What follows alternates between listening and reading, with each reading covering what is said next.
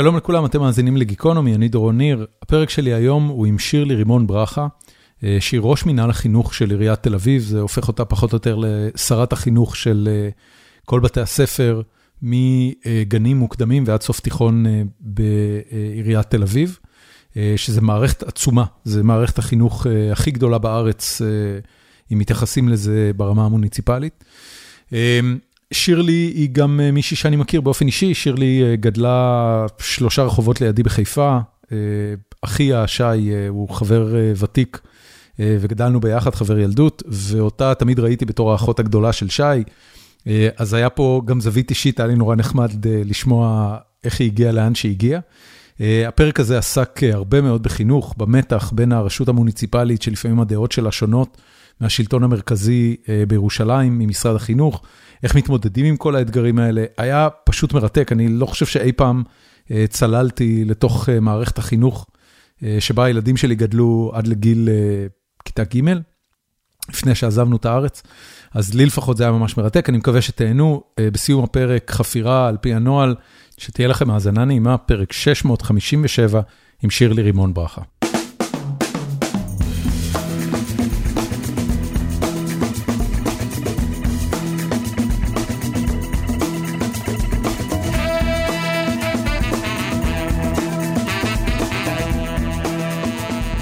אה, מחר חוזרים. מחר חוזרים. מה, מה עושים בחופש חנוכה? כאילו חופש חנוכה זה באמת חופש או שיש... זה שמונה ימים. בגני ילדים ובבתי הספר זה שמונה ימים.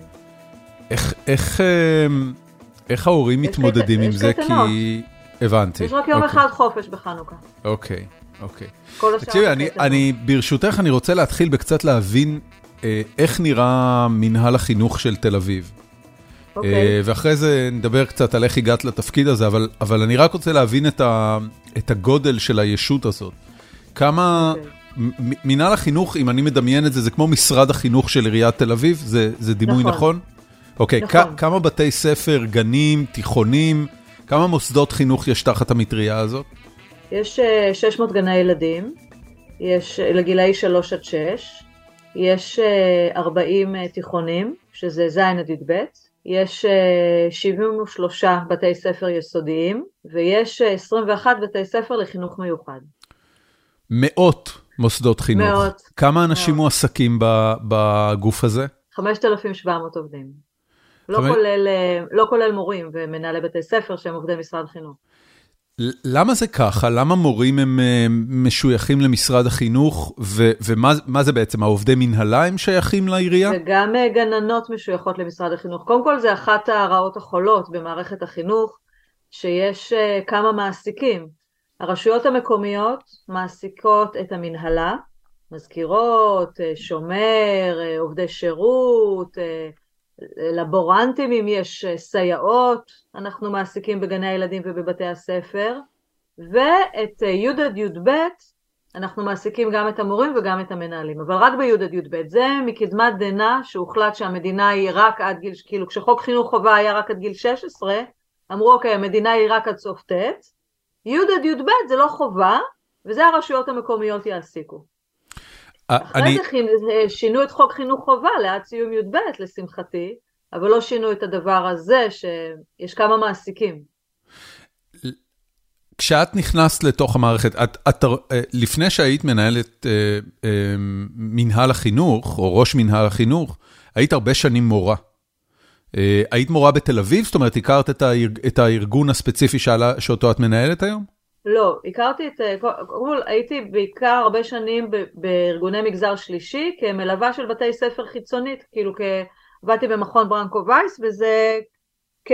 כמלווה תהליכי שינוי בתוך בתי ספר, ואז החלטתי לעשות את זה מתוך המערכת ולא חיצונית, לא, לא כמנחה חיצונית או כיועצת או כולי. מה, מה, אה, זה, מה, זה, אותה. מ- מה זה מלווה חיצונית? לאיזה איזה מוס... מנחה בית ספרית, יש, אה, יש הרבה ארגוני מגזר שלישי שמה שהם עושים זה מכשירים מורים, מלווים מנהלים, עושים אה, ליווי. אני, אני לא מבין אפילו את המילים. מה זה אומר מגזר שלישי? מה זה ארגון עמותות, מגזר NGOs. שלישי? ה-NGOs, המגזר השלישי. מלכ"רים הם מוסדות כן, לא למטרת כן. רווח. אז את עבדת. במוסד לא למטרת רווח, ששמו מה? רק להגיד, המגזר הראשון הוא המגזר הציבורי, המגזר השני הוא המגזר העסקי, המגזר השלישי הוא המגזר, המגזר של העמותות, המגזר החברתי. הבנתי, אוקיי, תודה רבה. לא, בכלל לא הכרתי את, את הביטוי הזה. כן. המגזר אוקיי. השלישי, אוקיי. אה, לא, באיזה, באיזה עמותה את עבדת? במכון ברנקו וייס. זה ארגון ש... גדול, שהוא גם רשת של בתי ספר, והוא גם אה, מכון לפיתוח תכנים ופדגוגיה והכשרות מורים וליווי בתי ספר. והוא מוסד ללא מטרת רווח. נכון. ש, שחוץ מאיזה בתי ספר למשל באזור אה, המרכז אה, שייכים אליו? יש, יש בעיקר בתי ספר לנוער בסיכון. נגיד אם ראית את הסרט על חילי טרופר, תיכון הזדמנות אחרונה, כן. זה היה, אז הוא ניהל בית ספר של ברנקו וייס. אוקיי. מי זה ברנקו וייס? ברנקו וייס הוא איש, הוא נפטר לפני תשע שנים, אבל הוא אה, איש אה, שוויצרי, הוא היה אה, פליט יוגוסלבי בשואה ועבר לשוויץ, שם נמצא אותו משפחה, הוא היה מיליונר, פילנטרופ מאוד מאוד גדול, שבמקום לפזר את הכסף שלו על פני כמה פרויקטים בארץ, הוא החליט להקים ארגון על שמו, שהוא ינחה אותו במטרות שלו. והוא רצה לעשות פיתוח של חשיבה והבנה ולמידה אחרת ויצירתית, בעיקר בפריפריה. הוא היה יהודי? כן, כן, יהודי. אוקיי, והוא לא חי בארץ, הוא חי בשוויץ? לא, חי בשוויץ, כן. אז משם הוא נתן כסף והעמותה הזאת... אה, נכון. וכמה גדול הסיפור הזה? הבתי ספר של ברנקו וייס, כמה גדולה האופרציה הזאת? יש אה, לברנקו וייס 40 בתי ספר, אם אני לא טועה.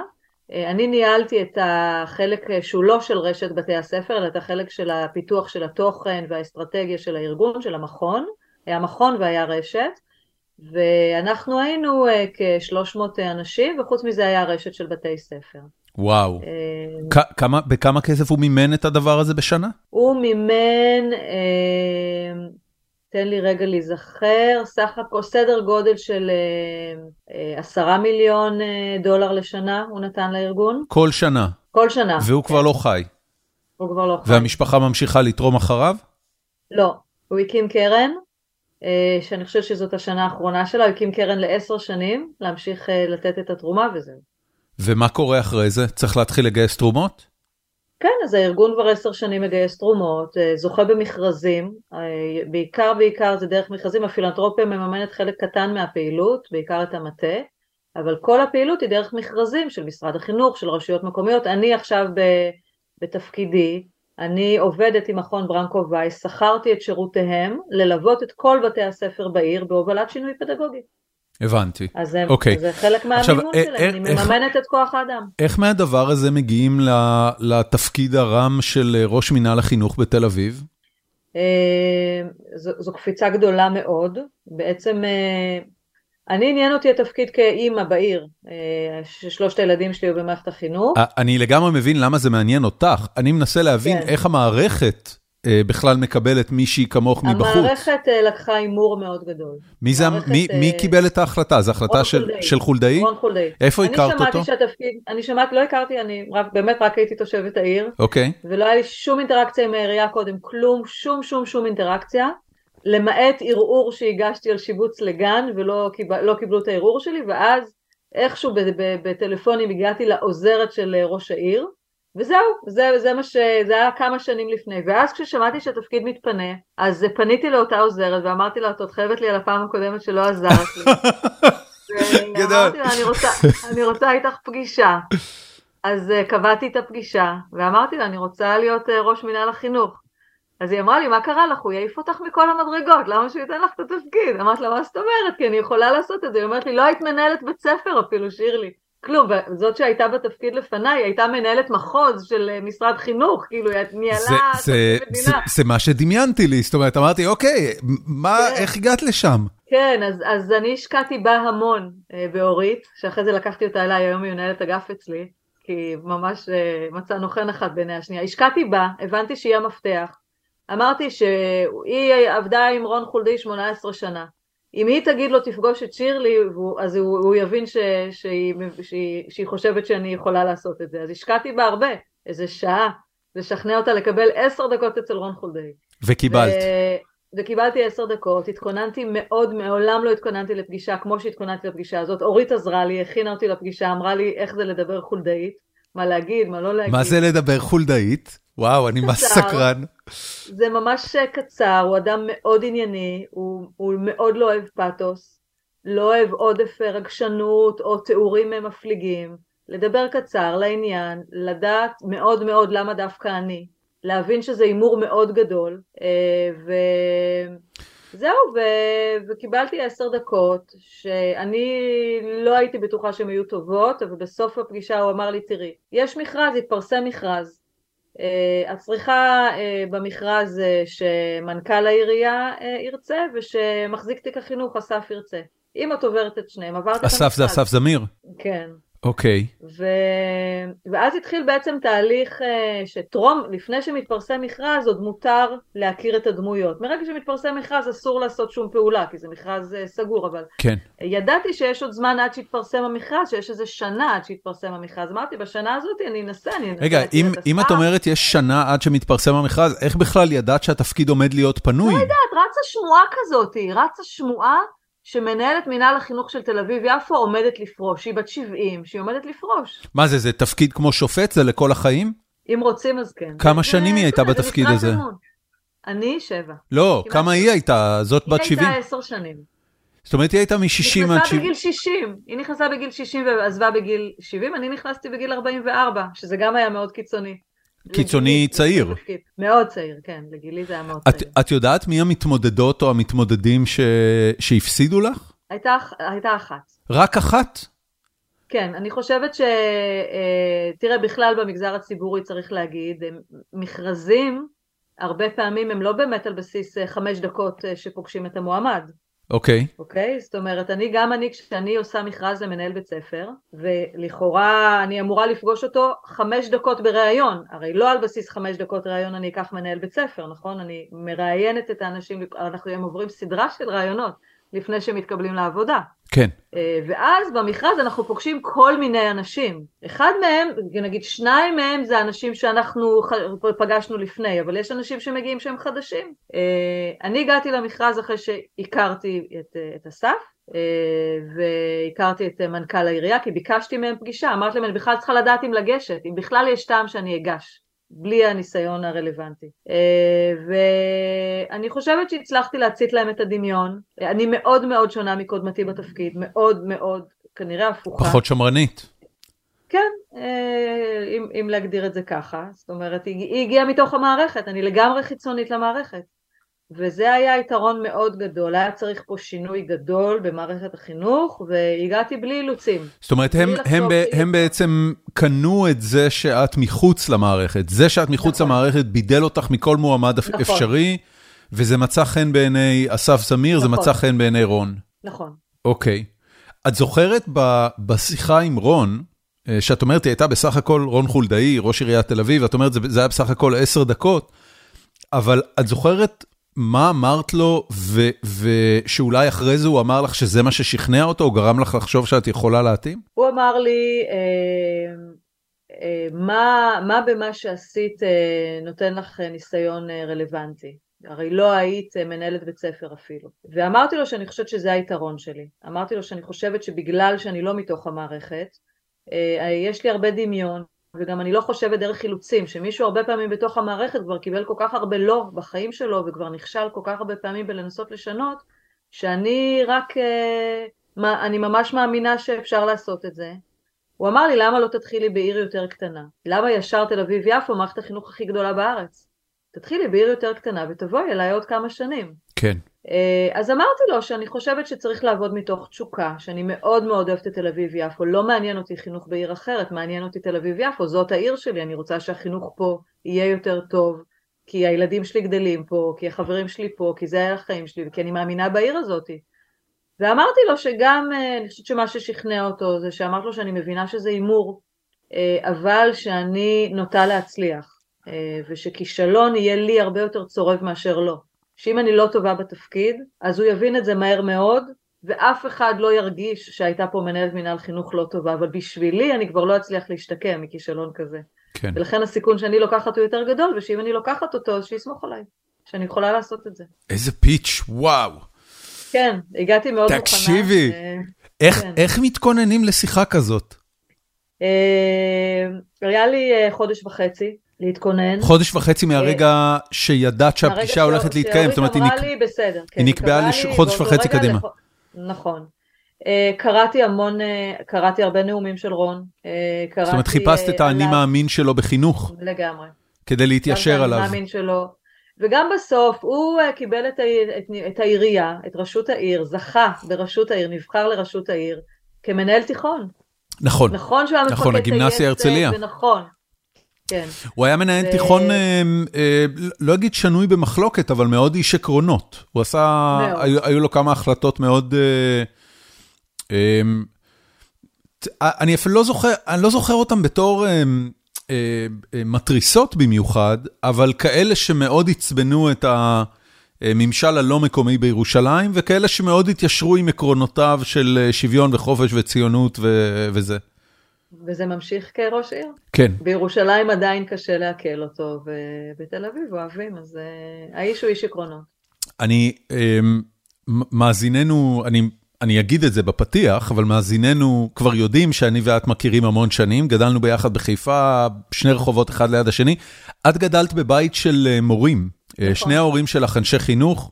גם אמא שלי הייתה מורה וסגנית מנהלת, אז, אז כאילו קיבל, קיבלנו את החדר מורים עם המטרנה בבוקר, אבל את היחידה מבין, אה, מבין האחים והאחיות במשפחה שהלכה להוראה.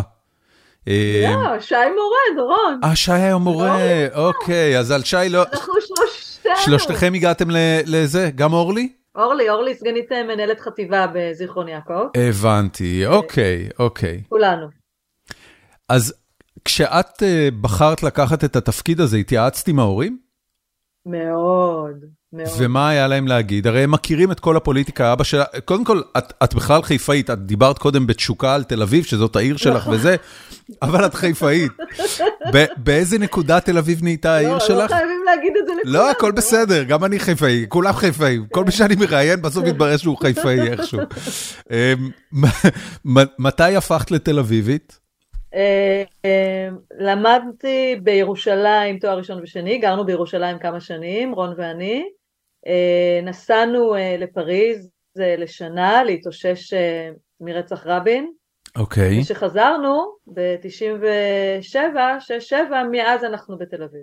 מה זה, תסביר, אכפת לך אם אני אשאל על ה... להתאושש מרצח רבין? לא, בשמחה. מה, מה הייתה התחושה שם? אנחנו מדברים על 95. אני בדיוק השתחררתי מהצבא, את נכון. בטח היית קצת אחרי. נכון, זה היה קצת אחרי שרון ואני uh, התחתנו. אוקיי. Okay. Uh, רבין נרצח, היה, היה לנו מאוד מאוד קשה להתאושש מזה, אנחנו אנשים מאוד פוליטיים שנינו, מאוד מעורבים, והיו שנים uh, מבחינתנו מאוד uh, מסעירות עם כל הסכמי השלום, עם ירדן והסכמי אוסלו, ו, ורבין נרצח, ואז כשפרס הפסיד בבחירות של 96, זה כבר היה משהו שהיה לנו מאוד מאוד קשה להכיל, זה כאילו היה רצחו את רבין פעם שנייה. היינו צעיר, צעירים ומלאי אמונה וחדורי אה, אופטימיות, ופתאום הדבר הזה, ולא הצלחנו להכיל את זה, אה, ממש לא הצלחנו להכיל את זה, זה היה ב-30 במאי, הבחירות, היה אמור להיות ב-1 ביוני אצלנו על הגג בירושלים מסיבת נישואים, כי התחתנו ב-1 ביוני, אמרנו נעשה שנה, מסיבת שנה לנישואים שלנו. בערב הבחירות הודענו לכולם שהמשימה מבוטלת, מבוטלת, ואמרנו בוא ניסע, בוא ניסע רגע להתאושש, לקחת פסק זמן מהדבר הזה. ואני, אה, היה לי אה, חבר טוב שעבד אה, בשגרירות בפריז, אז פניתי אליו ואמרתי לו, יאללה ניב, אנחנו באים רגע לאיזה קצת זמן, לא חשבנו שזה יהיה שנה, אמרנו ניסע קצת. אה, הפסקתי את התואר השני באמצע, לקחתי שנה הפסקה, רון סיים את התואר הראשון בדיוק, ונסענו, עבדנו בשגרירות בפריז, אני הייתי העוזרת של היועץ המדיני, רון היה מאבטח, היינו שנה, הרגשנו שאנחנו יכולים לחזור אך ורק לתל אביב, לא לירושלים, כי יצאנו מירושלים, אמרנו ירושלים אנחנו לא חוזרים יותר בחיים. היה מאוד קשה להיות בירושלים לפני רצח רבין, אחרי רצח רבין, הייתה עיר אה, מאוד אלימה עם מצעדי לפידים והפגנות, והיה, אמרנו ירושלים אנחנו לא נחזור, וחזרנו לתל אביב, ואמרנו יאללה אז חינוך. כן. כאילו, שנינו החלטנו חינוך. זאת אומרת, אמרנו, אנחנו חוזרים לארץ ואנחנו עוסקים בחינוך, אנחנו נעזור אה, לחברה מבפנים, נתקן עולם בדרכנו. מעניין מאוד. אמ, אוקיי, כש... כש... כשדיברת עם רון, על ה... רון חולדאי על התפקיד של אה, ראש מינהל החינוך, אה, עלה הנושא הפוליטי? לא. זאת אומרת, זה לא, זה לא עניין לא. מבחינתו. אם את היית נכנסת עם, אה, עם, עם, לא יודע מה, עם שביס ו, ו, ותפיסת עולם אמונית, זה לא היה מונע ממנו למנות אותך לתפקיד? כן, בטח שכן. למה? זה לא קשור, זה לא קשור לפוליטיקה. תפיסת עולם אמונית בהכרח משפיעה, זה זהות, היא בהכרח משפיעה על החינוך. אוקיי. ובצדק. היא לא חייבת, היא יכולה, את יודעת, אה, אנשים... עכשיו זה אה, מאוד קשה, אני חושבת שאנשי חינוך זה walk the talk. זאת אומרת, אנשי חינוך טובים חיים את מי שהם. אוקיי. חיים את הזהות שלהם. בוודאי שאני יכולה להיות רלוונטית גם לקהלים שהם לא חילוניים כמוני, ואני משרתת את כולם באהבה, ובאופן שוויוני ומלא, אבל עדיין כשאני בונה אג'נדה חינוכית זה מנקודת מבט מאוד מאוד ספציפית של אימא, של אישה, של אישה מזרחית, של אה, אה, תל אביבית חילונית ושל, ופמיניסטית, זאת אומרת בסוף בסוף כשיש תוכנית מגדר בתל אביב יפו מגן ילדים ועד י"ב וזו שפה שמדוברת מאוד במערכת החינוך שלנו, אני חושבת שזה הרבה בזכות היותי אישה פמיניסטית. אני okay. לא אוקיי. בטוחה, ש... לא בטוחה, ש... אני רוצה לחשוב שכן, אבל לא בטוח שגבר היה מוביל בכזו אמונה יוקדת תוכנית מגדר. או אה, התפיסה שלי שמאוד מאוד מוכוונת לדרום ולאוכלוסיות מוחלשות, זה הרקע המשפחתי שלי, זאת אומרת זה הרקע של ההורים שלי, ו- ואני מרגישה שכמו שההורים שלי קיבלו הזדמנויות למצות את יכולותיהם אה, בזכות הרבה עזרה שהם קיבלו לאורך הדרך, לא מהמשפחה שלהם, אז התפקיד שלי זה לעזור לילדים שהמשפחה לא יכולה לעזור להם, תפקיד שלנו לעזור להם, אבל בסוף זה חלק ממני, אוכלוסיות מוחלשות זה חלק ממני, פמיניזם זה חלק ממני, ו- ו- וברור שאנשים דתיים יביאו את עצמם לתפקיד שהוא כל כך אישי, זה אישי התפקיד הזה, הוא לא כן. לא טכני, אני לא פקידה. אוקיי. איך זה בא לידי ביטוי ביומיום? את, את יודע משהו, אני, אני, אני אלך בכוונה לכניסה שלך לתפקיד, כי זה נורא מעניין אותי. אה, בן אדם כל כך אה, חיצוני למערכת נכנס פנימה לתפקיד שמי שעשתה אותו לפני זה, עשתה אותו מגיל 60 עד 70 והייתה בשר מבשרה של המערכת. נכון. את נכנסת לתפקיד, אני מניח ש... מגוון רחב של עיניים מסתכלות עלייך בצורה חצי עקומה או עקומה לגמרי. מאוד אפילו עקומה. במשרד שאליו את נכנסת, שהסגל נכון. שלו בטח נמצא שם עשרות שנים. נכון. אה, אה, איך הדבר הזה בא לידי ביטוי בעבודה היומיומית? מה, מה היה השינוי הראשון או האג'נדה הראשונה שניסית להוביל, שנתקלה בהתנגדות של, ה, של המנהלים או של, ה, של, ה, של המערכת עצמה? אה, קודם כל, אני חוויתי הלם תרבות. גם את זה צריך להגיד. זאת אומרת, באמת חוויתי הלם תרבות, הגעתי מארגון יחסית אנרכיסטי, בועט, גמיש, מאוד דמוקרטי, מאוד uh, לא היררכי. הגעתי למערכת מאוד מאוד היררכית, אני זוכרת שאחרי שזכיתי במכרז אז אמרתי למנכ"ל העירייה, אבל איך הם יקשיבו לי, הם רובם יותר מבוגרים ממני, הם הרבה יותר מנוסים ממני, יש להם הרבה יותר ידע במערכת ממני, למה שהם יקשיבו לי? הוא אמר לי, שירלי, לטוב ולרע, זו מערכת מאוד היררכית, מה שתגידי יקרה. ולכן תשקלי מילים, מה שתגידי יקרה. ולא הצלחתי אפילו להבין מה הוא אומר לי, מרוב שזה היה שונה. וזה באמת ככה. זאת אומרת, המערכת מאוד היררכית, ואני, מאוד קשה לי עם זה, גם כי הרגשתי שאני חסרת ניסיון, מאוד רציתי, וגם הגעתי מארגון שהביקורת, הוא היה, באמת, אה, זה היה לחמנו. אז, אז, אז אמרת, אני זוכרת שדבר ראשון שאמרתי להם זה שאני חייבת שהם יהיו ביקורתיות כלפיי, שאני לא יכולה שהם יגידו על כל דבר שאני אומרת אמן, כי בוודאות אני אטעה, ובוודאות אני לא יודעת. לא יכול להיות שאני אצדק בהכל על ההתחלה, בחודשים הראשונים בטח שלא, כי אני לא יודעת, אני לא מכירה כלום, כלום, לא מכירה כלום. גם מעולם לא עבד, גם כשעבדתי בברנקו וייס 15 שנה, אף פעם לא עבדנו בתל אביב, עבדנו רק בפריפריה. אז לא הכרתי כלום, אף בית ספר, כלום. אז, אה, אז הדבר הראשון שהיה לי חשוב לעשות זה לשנות את התרבות הארגונית, אה, גם לתרבות של ארגון לומד, שגם להטמיע שפה. רגע, הבאתי ל... מה הדבר הראשון שעליו אמרו לך שאת טועה? או. כי זה, מה שאמרת רגע, אני חושב על ארגון היררכי, שבו אנשים כל הזמן ממדרים את עצמם וסותמים לעצמם או פותחים לעצמם את הפה בהתאם לשיקולים של ההיררכיה הארגונית. ואז את פתאום באה ומזמינה ביקורת. נכון. מה הדבר הראשון שנכנסו בחלב? אז לא ממש נכנסו בי, אבל, אבל הרגשתי שהם חושבים שאני טועה. הרגשתי. מה זה היה? לא אמרו, זה היה, אה, אני אה, ישבתי במשרד, זה היה בחודש, אה, אני נכנסתי לתפקיד ב-27 בפברואר, 26 בפברואר, וזה היה משהו באמצע מרץ, איזה חודש אחרי שנכנסתי לתפקיד. כן. ואני חושבת שישבתי במשרד ושמעתי צעקות, ממש צעקות בפרוזדור, והקומה, זו קומה מאוד מאוד ארוכה, ושמעתי אקוסטיקה. צעקות, ממש בכי בפרוזדור. כן, אז יצאתי וראיתי שבצד השני, בקצה השני של הפרוזדור, עומד שוטר. שוטר מאוד גדול, עם אישה שיושבת על כיסא ובוכה והוא צועק עליה. אז הלכתי, הלכתי עכשיו, זה הסיטואציה הזאת, כמו בסרטים שאתה הולך בפרוזדור ואתה מרגיש את כל המבטים נעוצים לך בגב, כי זה פרוזדור מאוד אורי, ראיתי אותם יוצאים מהחדרים, ראיתי מהגב, את כולם מציצים מהחדרים ואמרתי לעצמי, שירלי, זה רגע של מנהיגות, ככה נראה רגע של מנהיגות, כולם מחכים לראות מה תעשי.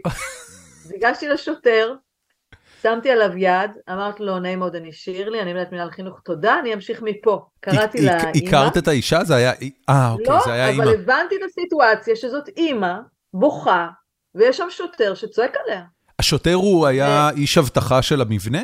אז, אה, אז, אז אחרי שדיברתי, לקחתי את האמא אליי לחדר ודיברתי איתה וכולי, וגם כשנכנסתי עם האמא לחדר, אז כל הלשכה שלי אמרה, לא, שירלי, אבל זה אין כניסה להורים ללשכה של מנהלת המנהל, אין כניסה להורים. אז נפרדתי מהאמא, הרגעתי אותה ונפרדתי ובאתי, יצאתי החוצה מהמשרד ללשכה ואמרתי לה, מה זאת אומרת אין כניסה להורים? אומרים, אין כניסה להורים, מנהלת המנהל לא פוגשת הורים. אמרתי להם, אבל אני באתי בשביל ההורים. אני באתי בשביל ההורים לתפקיד הזה, זה מה שבאתי לעשות פה. מה זאת אומרת? אני חייבת שההורים יכירו אותי, בשביל מה אני פה? אני אימא, לפני הכל. ואז קראתי, והתחילו להגיע אליי כל מיני שליחים של אורן השוטר נעלב, השוטר של הקומה נעלב. אמרתי להם, מה זאת אומרת השוטר של הקומה? מסתבר שיש שוטר לקומה, ומסתבר היה לי, הסתבר לי, שלכל האנשים בקומה יש לחצן מצוקה מתחת לשולחן, שככה קוראים לאורן. שאם יש הורה שקצת מתחצף ומפריע, לוחצים לחצן מצוקה ואורן מגיע. אני קראתי לכל הקומה, שזה כמה עשרות רבות מאוד אה, של, אה, של אנשים, בעיקר נשים, אמרתי להם, תקשיבו, מחר כל לחצני המצוקה יוצאים. אין לחצני מצוקה יותר, ההורים הם לא אויבים שלנו, ההורים הם שותפים שלנו, אנחנו צריכים להגיד להם תודה. שהם מרשים לנו לחנך את הילדים שלהם, הם מפקידים בידינו את הדבר הכי חשוב להם בחיים. אז אנחנו נלחץ לחצן מצוקה נגדם? אמרתי להם, אנחנו ניפרד מאורן, אורן לא יגיע יותר לקומה, אין יותר שוטרים בקומה ואין יותר לחצני מצוקה, ואתם תשנו את הדיסקט. ההורים, אנחנו פה בשבילם, אנחנו משרתי ציבור, הם הציבור שלנו. זה היה קשה מאוד מאוד מאוד השינוי הכי קשה היה אני, שינוי אני, תודעה. אני רק חושב על זה, הרי הלחצן מצוקה הזה ואורן אה, הושמו במקומם כנראה בגלל משהו שקרה, והמשהו שקרה הוא כנראה שאיזשהו הורה התפרץ לתוך הקומה באלימות, אולי אפילו סיכן את חייהם של אחד העובדים בקומה.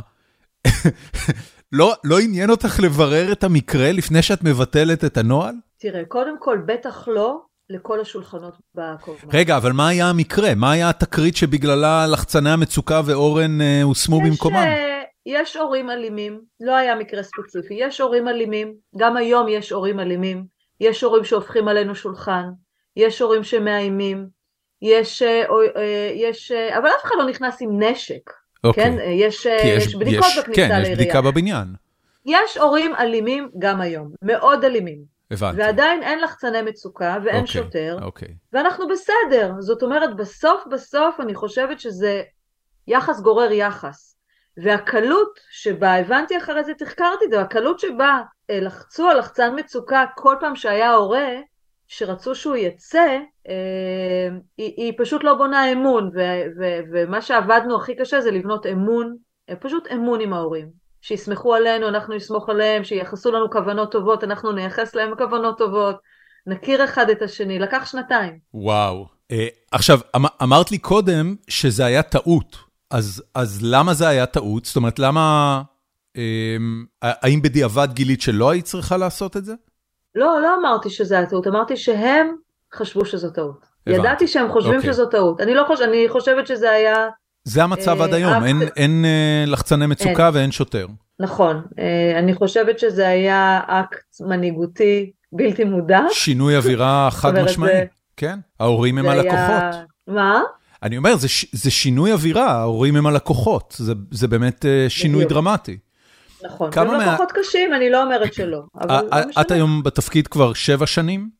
כמעט, כן. מתוך ה- כמה עשרות, לא יודע מה, 50, 60, 70 אנשים באותה קומה, כמה הצליחו לשרוד את השבע שנים האלה איתך ואת השינוי הארגוני שהובלת? אמ, אני אחלק את זה, תראה, סך הכל אני מנהלת במטה כ-380 איש. אוקיי. השאר הם עובדי שטח. אוקיי, אה, ובתוך המטה האנשים אה, שהכי חשובים זה מנהלי אגפים ומחלקות. כי הם האנשים, הם צוות ההנהלה המורחב שלי, בערך אה, 60 מנהלי אגפים ומחלקות.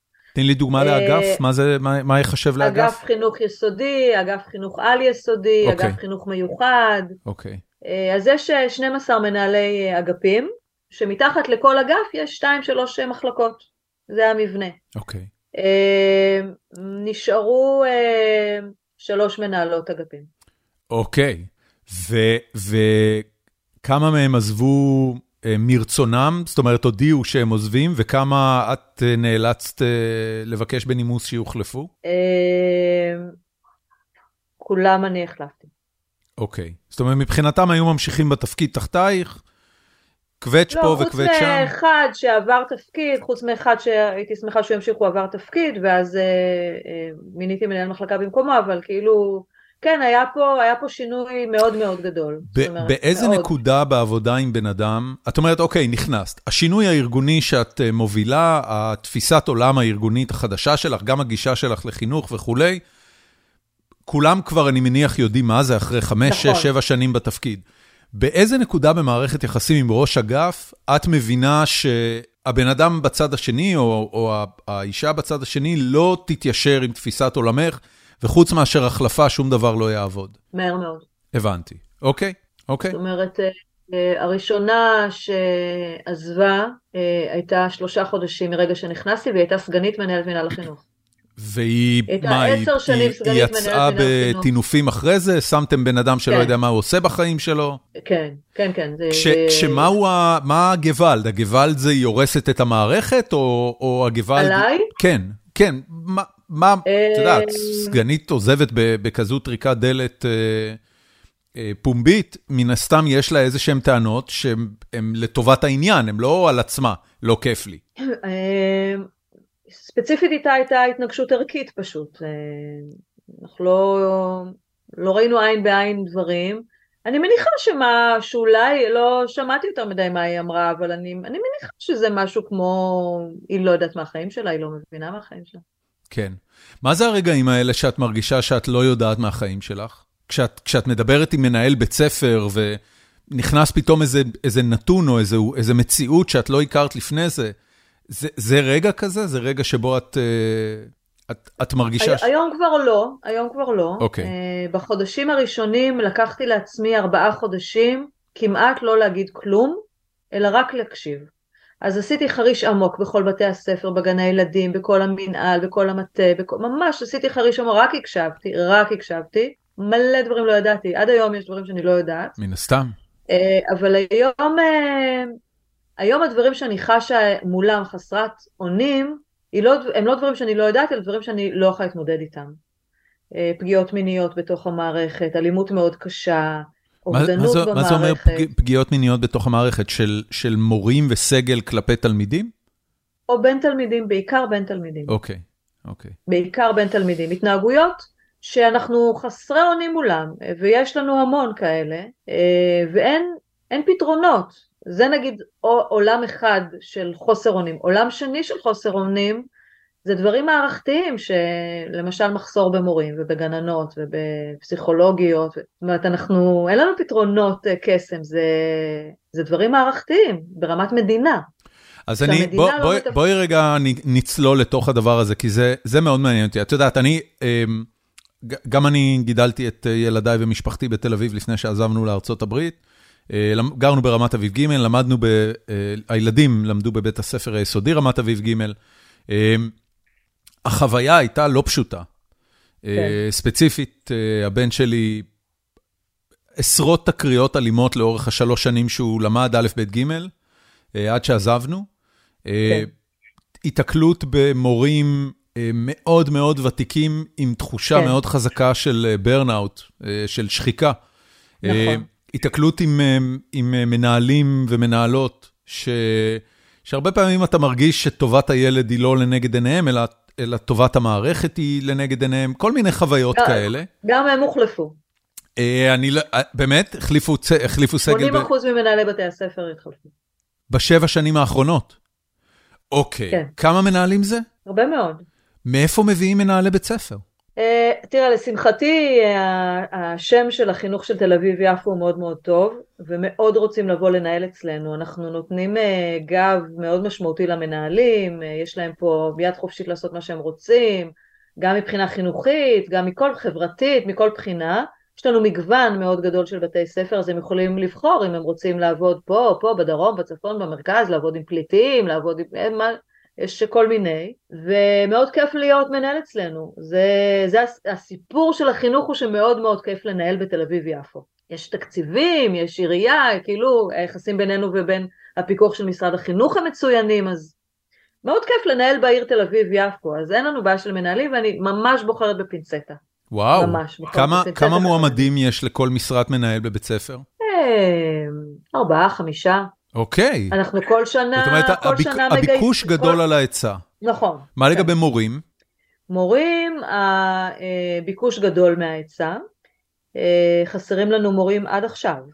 מורים למדעי המחשב. את אומרת ביקוש, את מתכוונת לביקוש שלך, אני התכוונתי לביקוש כן. של המורים. את אומרת, מספר המשרות גדול ממה שאת נכון. מצליחה למלא. נכון. אוקיי.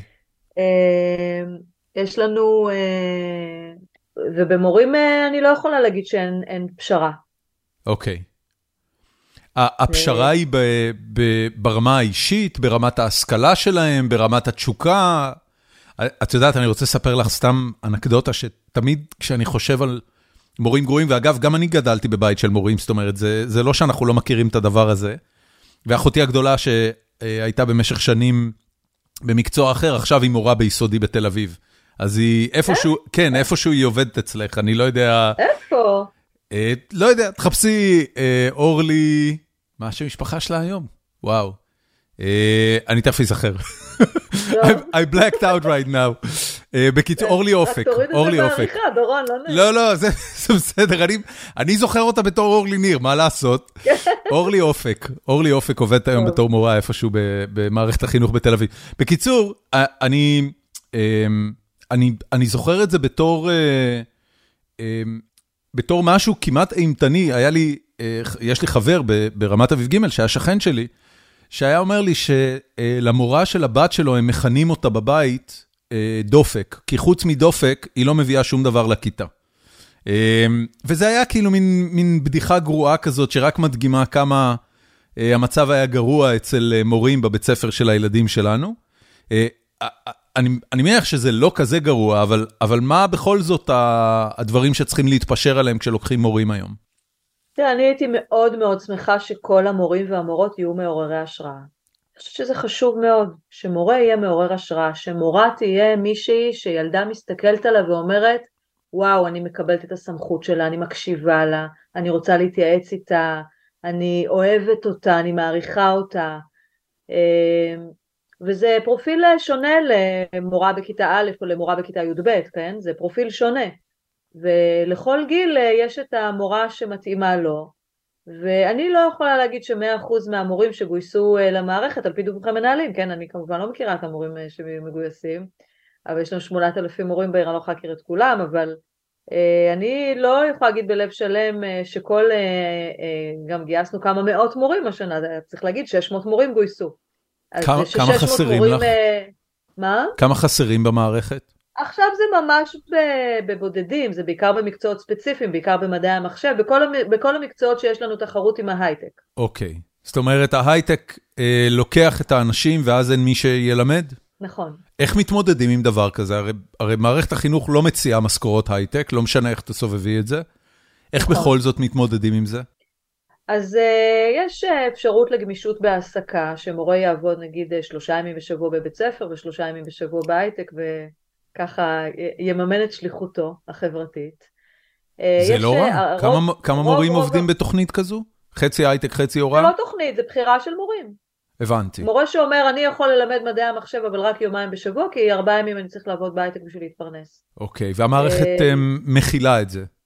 מכילה את זה, כן, זה לא אידיאלי, אבל מכילה את זה. ויש, רוב המורים אצלנו משלימים הכנסה. וואו. אחר הצהריים, גם בשיעורים פרטיים. את, את אומרת רוב באמת... זה, זה, זה על אמת? זה למעלה מ-50% כן. מהמורים משלימים הכנסה? כן, כן. אוקיי. גם uh, שי, אח כן. שלי שהוא חבר כן, שלך, כן. הוא גם משלים הכנסה. אה, אה, איזה, איזה, אוקיי. בכמה לדעתך שכר המורים צריך לעלות כדי שהמורים לא יצטרכו להשלים הכנסה, כדי שזאת תהיה פרנסתם היחידה והם יהיו מרוצים בה ויוכלו להקדיש את מלוא המרץ והאנרגיה שלהם אליה? קודם כל דו ספרתי בנטו, נתחיל בזה. שזה לא קורה. אוקיי. הנטו לא? הוא 4-5.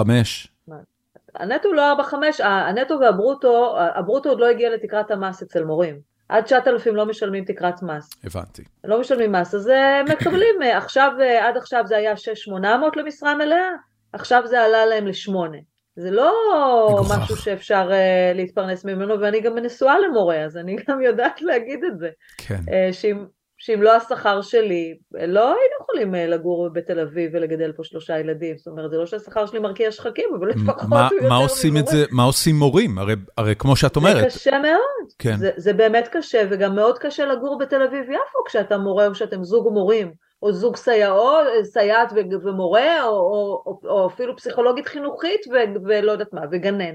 כן. זה, כשעובדים במערכת החינוך השכר הוא נמוך. וואו, אה, אנחנו, אוקיי. אנחנו הקמנו בגלל זה בניין של דיור בר השגה למורים. איפה? בגבעת העלייה, אה, בגבול אה, פלורנטין נווה שאנן.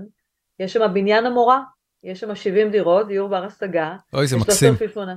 כן, זה התמלא במהירות, ועכשיו אנחנו נבנה עוד אחד בצפון, כדי שמורים יוכלו לגור פה. כמה, לא יודע, כמה הנחה זה מסדר להם, אם הצלחת להתקבל לבניין הזה, אני מניח שיש קופצים... 40 אחוז. 40 אחוז הנחה על השכר דירה. כן. אוקיי, ואז, ואז מורה יכול לגור בדירה צנועה בבית המורה? כן, היא לא כזאת צנועה, שלושה חדרים, היא מאוד יפה, היא מרפסת. אה, הוא יכול לגור, ב... כן, הוא יכול לגור שם. אנחנו גם בגלל אה, יוקר המחיה פה אה, מממנים לכל המורים חניות בעיר, כדי שלא יצטרכו לשלם חנייה. אוקיי. Okay. אנחנו מנסים לעשות כל מיני הטבות שהם לא שכר, כי שכר אסור לנו להעלות, כי זה הסכמים קיבוציים, אבל כל מיני הטבות מעטפת כדי שישתלם uh, לעבוד בעיר מעבר לעובדה שזה עיר שכיף ללמד בה, כי באמת יש אוטונומיה מלאה, אבל זה לא מספיק. הסיפור הזה של בית המורה זה רעיון, זה, זה משהו שאת הובלת בתקופתך או התחיל לפני כן? כן, כן, לא, לא, ממש... אה, אוקיי, okay, אז אני, אני, אני רגע רוצה להיכנס ל, ללוחות זמנים של דבר כזה. את מגיעה למסקנה שמורים לא יכולים להתפרנס בתל אביב ולעבוד בה, ואת מעלה את הרעיון של להקים אה, דיור אה, בר השגה בתוך העיר למורים בלבד. אני מניח שהדבר הזה נתקל באלף התנה, התנהלויות בירוקרטיות והתנגדויות ברחבי המערכת. כמה שנים מהרגע שאת הוגה רעיון כזה עד הרגע ש, שדייר ראשון מורה נכנס לבניין? תראה, במקרה הזה, אני יכולה לתת דוגמאות על, על דברים שזכו להתנגדויות וכולי. במקרה הזה, באמת המזל הגדול שלי זה שרון חולדאי הוא איש חינוך. זה המזל הגדול שלי. זאת אומרת, כשאנחנו הבנו את העניין הזה של מורים עוזבים את העיר כי הם לא יכולים לגור בעיר, ו, ו, ושוחחתי על זה עם אה, ראש העיר, והגינו יחד את הרעיון, זאת אומרת ישבנו ודיברנו ואמרנו אז מה, מה אפשר לעשות, מה אפשר לעשות? ומה זה, ואז, ואז הבנו, כאילו בתוכניות, בתוכנית המתאר של העיר אנחנו רואים איפה הולכים להיבנות מבנים, ומתוך שלושה מבנים, בעניינים הבנו שאחד הוא של העיר, ואז, אה, אה, ואז עלה הרעיון של, של, עכשיו מרגע שראש העיר מקבל את ההחלטה, זהו, זה קורה מאוד מהר. כמה מהר? קודם כל היה צריך לבנות את הבניין, הוא היה באמצע בנייה. אוקיי. אז היה צריך שהבניין יושלם, ומרגע שהבניין הושלם, זהו, זה יצא להגרלה. זאת אומרת, יש ראש עיר, יש מנכ"ל, יש הערכה תקציבית, יש אגף תקציבים שאומר את המשמעויות התקציביות, כמה הפסד הכנסה זה לעירייה, כי, כי בסוף זה בניין של העירייה, העירייה יכלה או למכור אותו, את הבניין, ולעשות מזה הרבה כסף, או להשכיר במחיר מלא. כן. ההחלטה להשכיר במחיר מוזל זה אובדן הכנסה, זאת המשמעות. עכשיו, אובדן הכנסה יותר קל מהוצאה. את יודעת להגיד כמה אובדן ההכנסה של העירייה בלממן את ה... כמה, כמה מורים חיים בבניין הזה? 70. יש חלק מהדירות שותפים, אז אולי קצת יותר, נגיד 100 מורים. אוקיי. 100 מורים, כמה, כמה עולה לעירייה אה, לאפשר להם דיור בר השגה, או כמה אובדן הכנסה לעירייה על זה שמאפשרים להם דיור בר השגה? אני יכולה להגיד באחוזים, שבמקום לקבל שכר דירה מלא, קיבלנו 40 אחוז כן, פחות. כן, את אומרת, תכפילי שכר דירה ממוצע, נגיד שכר דירה ממוצע של בן אדם בתל אביב היום הוא 3,500 שקל? אלף דולר? הלוואי, איפה אתה חי? לא, לבן אדם, אני אומר, את אומרת בדירת שותפים. אז אם נניח זה דירה של שלושה חדרים, מה זה, 8,000 דולר בחודש? 8,000 שקל? 8,000 שקל, כן. אוקיי, אז זה משהו כמו 4,000 שקל לבן אדם, נכון. אני, אני חושב. נכון. ואז אם את אומרת 100 מורים, אז זה, זה בערך 100 אלף דולר בחודש, שהעירייה אה, נכון. תורידי 40 אחוז מזה, זה 40 אלף דולר בחודש, כן. חצי מיליון דולר בשנה. זה מה שזה עולה לעירייה. חוץ חצ- מהבניין שבנינו, כמובן. כן. And then there's the building. לא, אבל את הבניין אפשר כן. למכור בסוף וער- וערכו לא יורד, נכון. ערכו אפילו עולה, הכל בסדר, העירייה לא נכון. תפסיד עליו כסף. חצי מיליון דולר בשנה, כמה מורים העירייה צריכה? אה, הקיץ היה חסר לנו 600 מורים. כמה מצאתם מתוכם? אה, מצאנו את כולם, חלקם כבר עזבו, חלקם הועזבו. הבנתי. אני חושבת שכרגע במערכת חסרים כ-50 מורים. אוקיי. וואו. אוקיי, עכשיו אני, אני, אשאל, אני אשאל את השאלה הזאת. אה, אני מניח שאצלך הטלפון אה, אה, מצלצל 24/7. נכון, בזמן שאנחנו מדברים כבר נכנסו לי 42 הודעות, כן. יש הודעות של, שעליהן את כן תעני? ב- בשעות לא שעות, בסופי שבוע, ב... לא יודע מה? כן. על מה כן עונים בסיטואציה כזו? אה, הורה במצוקה מאוד גדולה כי הילד עבר איזושהי פגיעה. אוקיי. מה המערכת יודעת לעשות? מה את, בתור ראש מינהל החינוך, יודעת לעשות במקרה כזה? להפעיל את השירות הפסיכולוגי ואת שירותי הרווחה אם צריך אה, לדווח על משהו. אוקיי. מקרה חירום, מקרה חירום אני עונה. איך דבר כזה מגיע אלייך? זאת אומרת, יש איזה, איזה שרשרת פיקוד שמתחילה בזה שההורים מספרים למורה או למנהל? איך הדבר הזה קורה? תראה, אם ההורים סיפרו אה, למור... קודם כל אם ההורים יודעים, אה, אז, אז אני כבר בהקלה, כי זה אומר שזה כבר מטופל. כבר פנו ליועצת, אוקיי. למחנכת וכולי, זה לא בהכרח, זה אומרת, לא מגיע אליי יש לטיפול. רוב, סיט- יש, יש אה, חלק מהסיטואציות שבהם ההורים אפילו לא יודעים ומינהל החינוך נכון. יודע לפני. נכון, אוי ואבוי, וואו, כן. איזה קשה. ויש גם uh, הורים שלא יודעים מה לעשות, ואז אם הם פונים למחנכת או ליועצת או למנהלת, זה הדבר הטוב לעשות. יש כאלה שפונים ישר אליי. יודעים את הטלפון מעורבת, שלך? כי- כן, יש את הטלפון שלי. אה, לא בעיה להשיג אותו, יש לי הרבה מאוד חברים פה בעיר, אז אה, זה חבר מביא חבר. אוקיי. אה, וגם זה בסדר מבחינתי. אני להיות באמת נגישה. הסכמתי, הסכמתי לשלם את המחיר האישי הזה, של להיות מאוד נגישה להורים בעיר בשביל האמון, זה שווה לי את זה. כל הכבוד. אמ, אוקיי, אז זה, על זה עונים. את אומרת. אז להורים, להורים במצוקה אני עונה, יש מקרי חירום כאלה שאנחנו צריכים לטפל. אה, אני צריכה להגיד ביושר שבשישי שבת בדרך כלל אני לא עובדת. כן. לא, אין הרבה אירועי חירום כאלה, אבל אה, כן. אה, טוב, אני, אני, אני אשאל אותך, בגלל שאת כבר 6-7 שנים בתפקיד, אני עוקב אחריך בפייסבוק, אני רואה גם את הפרסומים על אירועים שקשורים למערכת עצמה, וגם נסיעות והעשרות וכל מיני פרספקטיבות שאת כותבת עליהן. בקיץ היה לכם מסע ל- לאזורי סקנדינביה, מה זה היה, שוודיה? פינלנד. פינלנד, אוקיי, הלכתם ללמוד מהפינים איך עושים חינוך. מקץ שבע שנים, מה לדעתך הרעה החולה הגדולה ביותר של המערכת? אמ, יש כמה, אני אגיד, אה, מקרו ומיקרו. אה, במקרו זה הריכוזיות של המערכת, היא מאוד מאוד ריכוזית. זאת אומרת, אה, יושב משרד חינוך בירושלים וחושב שהוא יכול להגיע לאחרון הילדים, דרך תוכניות לימודים, דרך תוכניות העשרה, דרך מערכי שיעור שהם כותבים למורים, דרך פיקוח, דרך דיווחים, בקרה, טרללת של בקרות, ובסוף זה מאוד מאוד מדכא. זה מדכא את המורות מאוד, מדכא את המנהלות, בטח מד... בסוף זה מדכא גם את הילדים. כי אם מורה לא יכולה להיות מאוד מאוד יצירתית ולהביא את עצמה ואת התשוקה שלה ואת הידע שלה ו... ואת כל הסיבות שבגללה היא קמה בבוקר להיות מורה, היא לא יכולה להביא את זה לכיתה כי הכל מוכתב לה מירושלים, הסילבוס וה... והמבחנים והקצב. זה, זה מדכא את היצירתיות. אז, אז במקרו הריכוזיות, ו, ובגלל זה אוהבים לעבוד בתל אביב-יפו, כי אנחנו אה, שמנו גב על הדבר הזה, מאפשרים להם אוטונומיה, ואני חוטפת במקום המנהלים והמנהלות. איך זה נראה? ספרי לי איך החוטפת הזה נראה. אה, אני לא מאוד אהובה על ידי משרד החינוך, אני חושבת שאני די סדין אדום. אה, מי היה מאמין? שירלי ברכה, תהפוך כן, לסדין אדום של משרד החינוך. את נוקמת את נקמת כל האימהות המורות שלנו, שהתמרמרו על המפקחים של משרד החינוך מקדמת כן. דנא. אה, אבל רגע, רגע אחד ברצינות, אה, זה נורא משעשע אותי שאת סדין אדום, אני לא, קשה לי להתגבר על זה. אני, אני רוצה רגע לקחת את זה ל, לרמה פרקטית. תגיד להם שאני הייתי נחמדה פעם, לא? לא, את, לא, את, לא. את, את היית מהממת, תמיד. כן. אה, אבל אני, אני רוצה, אני רוצה אה, לשאול על משהו אחר. כן. נניח שמתפוצצת איזה, איזה סיטואציה בתקשורת, אני מניח ש, שככה ירושלים יודעים שמשהו למטה לא מתיישר עם הערכים שמתווה השלטון המרכזי. אה, ואז הדבר הזה מגיע למעלה, את מקבלת שיחה זועמת ממי? ממנכ"ל משרד החינוך? ממפקח? בוא ניקח, ממי? הדוג... בוא ניקח את הדוגמה האחרונה עם ה... לא יודעת אם אתם מכיר את הסיפור שהיה לנו פה עם מפות ישראל שתלינו בכיתות.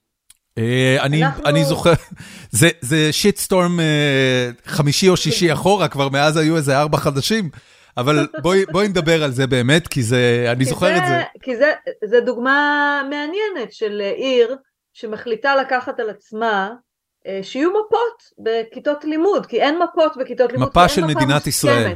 אין מפה מוסכמת של מדינת ישראל. והחלטנו ליצור מפה, שגם תכיל את מפה של תל אביב-יפו, והמפה עצמה, אמרנו, אנחנו רגע רוצים שילדים יבינו אוריינטציה של מה קורה במדינה, בסוף מה קורה פה במדינה. אה, אז סימנו על מפת ישראל את גבול הריבונות. אוקיי. עכשיו, גבול הריבונות זה קו, לפי חוק. קו 67. יש... נגיד רמת הגולן היא בתוך, מדינ... היא בתוך מדינת ישראל, היא חלק מריבונות, כי הוא סופחה, מזרח ירושלים סופח, אבל כל יהודה ושומרון לא סופח, אז זה מחוץ לגבול הריבונות. עכשיו זה קו מקווקו מאוד מאוד עדין. סדין אדום. ובקיץ, בקיץ תלינו את זה בכל הכיתות א' עד י"ב בכל בתי הספר בעיר. עכשיו בוא, אני לא מיתממת, זה לא שחשבתי שזה יעבור בלי תגובה. אני, אה, אה, אותי מעניין הפיץ' מיטינג, כאילו, ישב, רוני ידע על זה אגב? זה יוזמה של... בוודאי, אוקיי, אז יושבים כולם ביחד ואומרים, יאללה, בואו נדליק מדורה בכיתה. בדיוק.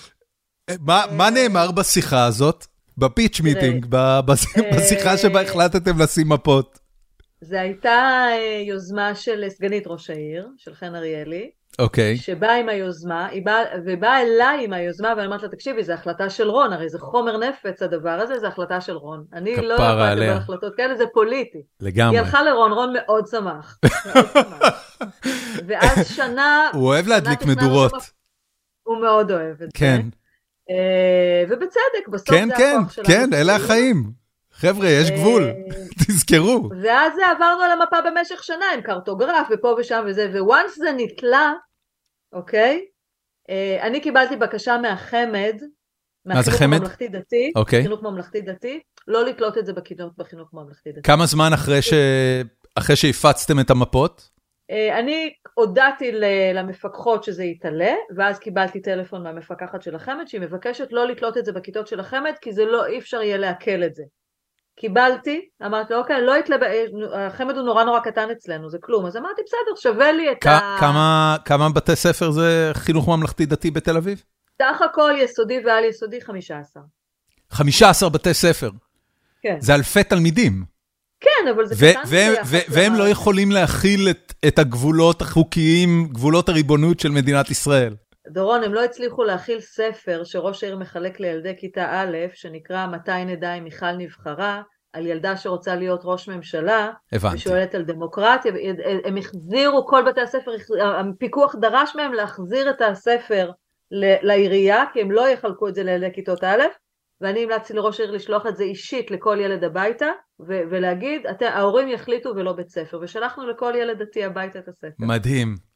רגע, אז אוקיי, אז, אז המפות לא עלו בחמ"ד, איפה הם כן עלו?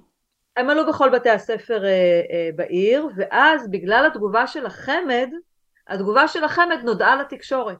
אוקיי. אוקיי? היא יצאה, כי היא יצאה כהודעה רשמית, ממש הודעה רשמית של החמ"ד, שלא מוכנים, וזה פה, וזה כניסה לתוכנית הלימודים, וזה לא יקרה, ממש תגובה אה, רשמית כועסת שיכולנו לסגור את זה בינינו ואף אחד לא יודע.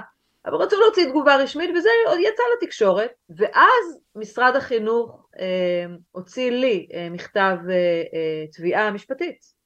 לך, באופן אישי? המפות, לי, באופן אישי. מנכ"לית משרד החינוך. אוקיי, שמי היא היום? בסך, דלית שטאובר, שסך הכל אנחנו מסתדרות טוב. אה, דלית שטאובר היא, היא, היא, היא מינוי, היא משרת אמון של איזה שר? היא מינוי מקצועי, כבר הייתה מנכ"לית משרד החינוך פעם, ולפני זה גם הייתה מנהלת מחוז, היא מינוי טוב, היא מינוי מקצועי. היא, זו, זה שאשא ביטון אה, מינתה אותה אחרי שהיא נכשלה עם, אה, עם מנכ"ל אחר, אה, אבל אני חושבת שפה היה עניין פוליטי. רגע, אבל, אבל יפעת שאשא ביטון היא לא, את יודעת, היא לא, היא לא בן אדם שמפה כזאת עשויה לגרום לו להתפוצץ, למה, למה, למה זה הפך לעניין של תביעה אישית? לא תביעה אישית, תביעה מקצועית okay. מה, אוקיי. מהשירות המשפטי של okay. אוקיי. משרד, מהייעוץ המשפטי של משרד, להוריד את זה, ואם אנחנו לא נוריד את המפות, אז, אז הם הולכים אותנו לבית משפט. אוקיי, okay, אבל למה? אתה לא שואל אם הורדנו את המפות? לא, okay. תכף נגיע לזה. למה? Uh, למה? כי הטיעון שלהם היה שאנחנו מתערבים בתוכנית הלימודים, שעירייה אין לה סמכות לקבוע תוכנית לימודים, ובעצם זה שתלינו את המפה בכיתת לימוד זה התערבות בתוכנית הלימודים ולעירייה אין סמכות. עכשיו הטיעון המשפטי שלנו זה שזה לא תוכנית לימודים, זה מפה, זה כלי עזר לימודי. כן. זה כמו שאני תולה את מגילת העצמאות בכל הכיתות. כן. וואו. אה, זה, זה אגב הרבה פחות ממגילת העצמאות, מכיוון שזו מפה כן. שכל אה, כל מדינת ישראל באמת, הריבונית מסכימה עליה. מבחינתנו זה גם, אה, זה בסיס לשיח, אם אלה גבולות הריבונות, אז בואו נדבר על זה, למה לא סיפחו, למה את זה כן סיפחו ואת זה לא, האם צריך לספח, אולי צריך להכיל ריבונות על שטחי A ו-BBC, לא יודעת. בואו נדבר על זה. משרד החינוך, אה, את יודעת, נושא סיפוח אה, יהודה ושומרון נידון בהרחבה בתקשורת במהלך החמש שנים האחרונות. אה, טראמפ הבטיח, כן הבטיח, לא, כן. לא משנה. הדבר הזה לא הגיע מעולם לשיח במשרד החינוך? לא. אוקיי. כי מה, כי אסור לדבר על זה? אסור לדבר על זה. הבנתי, אבל, אבל המפה היא, היא, היא עובדה מוגמרת, זו המפה נכון, שמדינת ישראל... נכון, היא צילום של המציאות. ומשרד החינוך אה, אה, טוען שזה לא... זה, מה? שאין דבר כזה גבול ריבונות, שהמצאנו מושג שנקרא גבול ריבונות, ושבכל מקרה אין לנו סמכות לתלות חומר לימודי בכיתה.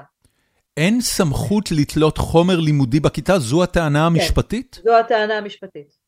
אז מה אמורים לתלות בכיתה? לא יודעת. אני מניח שהמפות לא ירדו, כי רון חולדאי לא, לא יוצא למהלך כזה בלי לדעת שהוא ינצח. נכון. המפות תלויות בכיתה. בוודאי, בכל איזה פידבק קיבלת לדיון שהתחולל בכיתה סביב המפה עצמה? אמ, לא קיבלנו יותר מדי אה, פידבקים, אה, אני חייבת לציין. זה לא, אה, זה לא הסל, אני לא חושבת שהצלחנו לעורר שיח משמעותי בכיתות סביב המפות. תראה, ביסודי זה יותר כמו אה, תמונה שתלויה בכיתה והילדים פשוט יכולים להסתכל עליה, כן.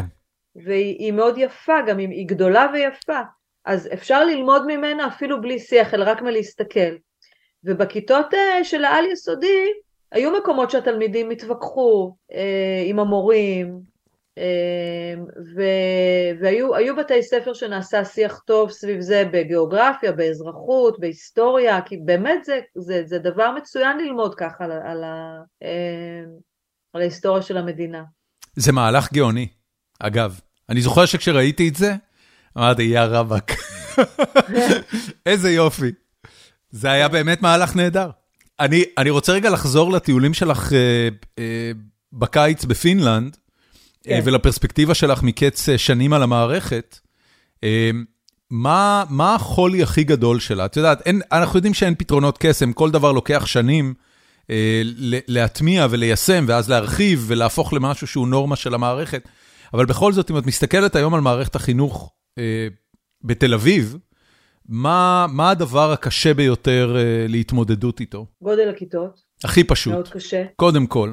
שיהיו כיתות קטנות? קשה מאוד, כי בז' עד י"ב יש 40 ילדים בכיתה. וואו. בלתי, בלתי אפשרי ללמד 40 ילדים בכיתה, בלתי אפשרי לראות כל ילד בכיתה, או לתת תשומת לב לכל ילד בכיתה, וזה גילאים מאוד מאוד קשים, מאוד קשים. באמת. מה, מה גודל אידיאלי בעינייך? 25. אוקיי, מה קורה מעל 25? זאת אומרת, המספר הזה, אני גם מכיר אותו מהכיתות של הילדים שלי, שהם 25-26 כבר כל השנים שאנחנו פה במערכת החינוך האמריקאית.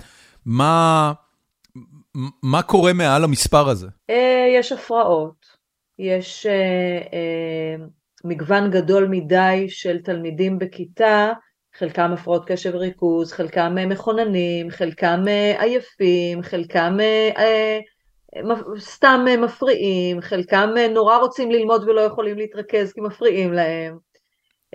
ואז קשה לנהל ככה שיעור, זאת אומרת השחיקה של המורות ושל המורים היא לא בחלל ריק, מאוד מאוד קשה לנהל שיעור, בטח כשסמכות המורה כל כך נשחקה, זה לא כמו כשאנחנו היינו ילדים שזה היה, אני זוכרת את התלמידים של אבא שלי ושל אמא שלי, כאילו בשבילם זה היה וואו, דוד וזהבה, זה היה כמו, כן. זה היום לא מסתכל ככה. אבא שלך באמת, אה, אני לא יודע לגבי אמא שלך, אבל אבא שלך בבוסמת, אה, אצל כן. חברינו שלמדו בבוסמת, הוא היה מורה מיתולוגי ממש.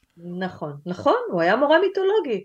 עכשיו, אני רואה את הבת שלי נטע, עם המורים שלה, שהיא בכיתה ט', היא מאוד מאוד אוהבת אותם, אבל הם חברים שלה, בגדול, זה לא, זה לא... אבל, אבל אני, את יודעת, אני, אני רוצה רגע לשאול על זה, כי התחושה שלי היא שהתפקיד של המורה אה, השתנה.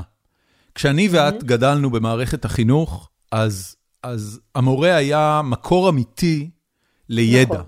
והבנה. אה, נכון. היום הידע נמצא זמין אה, בקצות האצבעות של הילדים. אה, נכון. את יודעת, אני, אני, אני תמיד אומר לאשתי שהכשל הגדול בהורות שלנו, זה שלא משנה איך תסובבי את זה, גוגל יותר מרשים מאבא. גוגל מגיב יותר לילד, אמפתי יותר לילד, עונה לו בדיוק על מה שהוא שואל ונותן לו תשובה בצורת קליפ וידאו משעשע ומעניין בכל נושא שהילד מסוגל להתעניין בו. המורה למעט... מתמודד עם אותה סיטואציה. הרי... אז, אז אני רוצה רגע לסייג ולהגיד ככה, מורה כמוסר של ידע באמת כבר לא רלוונטי. זאת אומרת, לא צריך את תהליך המסירה הזה מהראש של המורה לראש של הילד. זה הוראה שעברה מן העולם. היום המורה הוא הרבה יותר מבנה, או לוקח מידע והופך אותו לידע, הרי ממידע לידע יש איזשהו תהליך. של הפנמה, של עיבוד, כאילו אחרת מידע זה פשוט אוסף של פרטים. נכון. שאתה לא בהכרח זוג, להפוך את זה לידע גמיש, שאתה יכול להשתמש בו אחר כך, זה תהליך של עבודה של מורה טוב. אבל מעבר לזה שיש כל כך הרבה היבטים שהם לא רק מידע או ידע במערכת החינוך, ההיבטים הרגשיים במערכת החינוך הם מאוד דומיננטיים. מאוד, דווקא בגלל הטכנולוגיה, שלכאורה אומר ילד יכול לקרוא הכל בסמארטפון, אפשר לשמוע מה הם קוראים ולומדים בסמארטפון, בוא, הם בעיקר בטיקטוק וברשתות. אה, לא, לא לזלזל בטיקטוק, טיקטוק אה, הוא מקור ידע לא מבוטל. גם טיקטוק הוא מקור ידע, אבל עדיין זה לא שם אתמול ראיתי איך מגלפים מאצטרובה על מנורה, למשל, בטיקטוק. כן. אני מאוד אוהבת את הטיקטוק, אני גם חושבת שהוא כלי, באמת אני אוהבת זה, אני חושבת שהוא כלי חינוכי. מדהים. אה, הוא יותר, הוא הרבה יותר טוב מאשר רע, בניגוד לאינסטגרם נגיד, אבל עדיין יש עולם שבו המבוגר יש לו משמעות בחיים של ילד. ילד הוא ילד ומבוגר הוא מבוגר, והתיווך של העולם, אפילו תיווך של טכנולוגיה, צריך לעשות על ידי מבוגר. מישהו צריך לתווך לילד איך הטכנולוגיה משפיעה על התודעה שלו. מישהו צריך לספר לילד שלא כל מה שהוא רואה הוא אמת, שיש בדיה ויש פייק. מה, מה, שאת, אומרת, לתו... מה שאת אומרת פה, אה, אה, העקרונות של חשיבה ביקורתית, אה, צריכת תקשורת המונים ואיך... אה, לפלטר אותה בהתאם. לא היה קיים במערכת החינוך שאני ואת נכון, גדלנו בה. כי לא הייתה טכנולוגיה. לא, בוודאי שהייתה טכנולוגיה, היו טלוויזיה והיו תחנות רדיו. אנחנו לא היינו מודעים כל הילדות שלנו על המניפולציה שאמצעי נכון. התקשורת הממלכתיים עושים עלינו, בין אם זה נכון. ערוץ אחד ובין אם זה כל ישראל, כאילו עשו לנו אינדוקטרינציה, אנחנו יודעים את זה. נכון. אז השאלה היא, האם היום במערכת החינוך, אה, מישהו מלמד את הילדים בדיוק את הדברים שאת אומרת? איך לצרוך תקשורת, איך להתייחס למדיה חברתית, אה, מה אמת ומה לא. באמת, זה מה שמערכת החינוך מצליחה לעשות היום? כן, כן. וואו, זה, אוקיי. זה, זה אחד מהיעדים הכי מובהקים שלנו, אה, לעזור לילדים להתמודד עם מציאות משתנה. זאת אומרת, אנחנו כל הזמן מפמפמים, המציאות משתנה, מושא החינוך השתנה, המציאות השתנתה, המערכת לא השתנתה, אבל אנחנו צריכים לשנות אותה. חייבים לשנות אותה, אי אפשר את אותה תוכנית לימודים והיסטוריה וגיאוגרפיה ותנ"ך וסיכוי, לא, אי אפשר, זה לא, זה לא רלוונטי יותר. כן. צריך לעזור לילדים להיות צרכנים ולהיות יצרנים ולהיות להיות אורייניים בעולם המשוגע הזה ולתת להם הון טכנולוגי. המושג הון טכנולוגי זה מושג שהטמענו במערכת, יש הון חברתי ויש הון אה, תרבותי ויש הון אינטלקטואלי וצריך להיות גם הון טכנולוגי של הבנה של מה הטכנולוגיה עושה. כי בסוף בסוף טכנולוגיה זה לא טוב או רע, היא גם וגם. הבחירה של ילד מה לעשות עם טכנולוגיה זה החינוך. כן. בסוף לתת לו כלים לבחור נכון זה חינוך. כי הטכנולוגיה אינסופית, היא עולם ומלואו. היא יכולה להיות הרסנית כמו שהיא יכולה להיות מדהימה. לפני, uh, כמה זה, חודשיים נבחרה הממשלה בישראל? Uh, והממשלה הזאת הגיעה עם נדוניה uh, של אינדוקטרינציה uh, כפולה ומכופלת uh, מכיוון uh, ירושלים. Uh, ספציפית, אם אני, אם אני, אני לא יודע אם אני אפילו משתמש במונחים נכון, אבל uh, uh, הישות המכונה נועם, הודיעו שהם ישלטו על כל מה שהוא... סליחה? סיעה. סיעה. היא סיעה. המכונה נועם הודיעה שהם ישלטו על כל מה שקשור לתוכניות לימוד חיצוניות במערכת החינוך. למי שלא בקיא במונחים, מה זה העניין הזה של תוכניות לימוד חיצוניות? מה זה בכלל המנגנון הזה?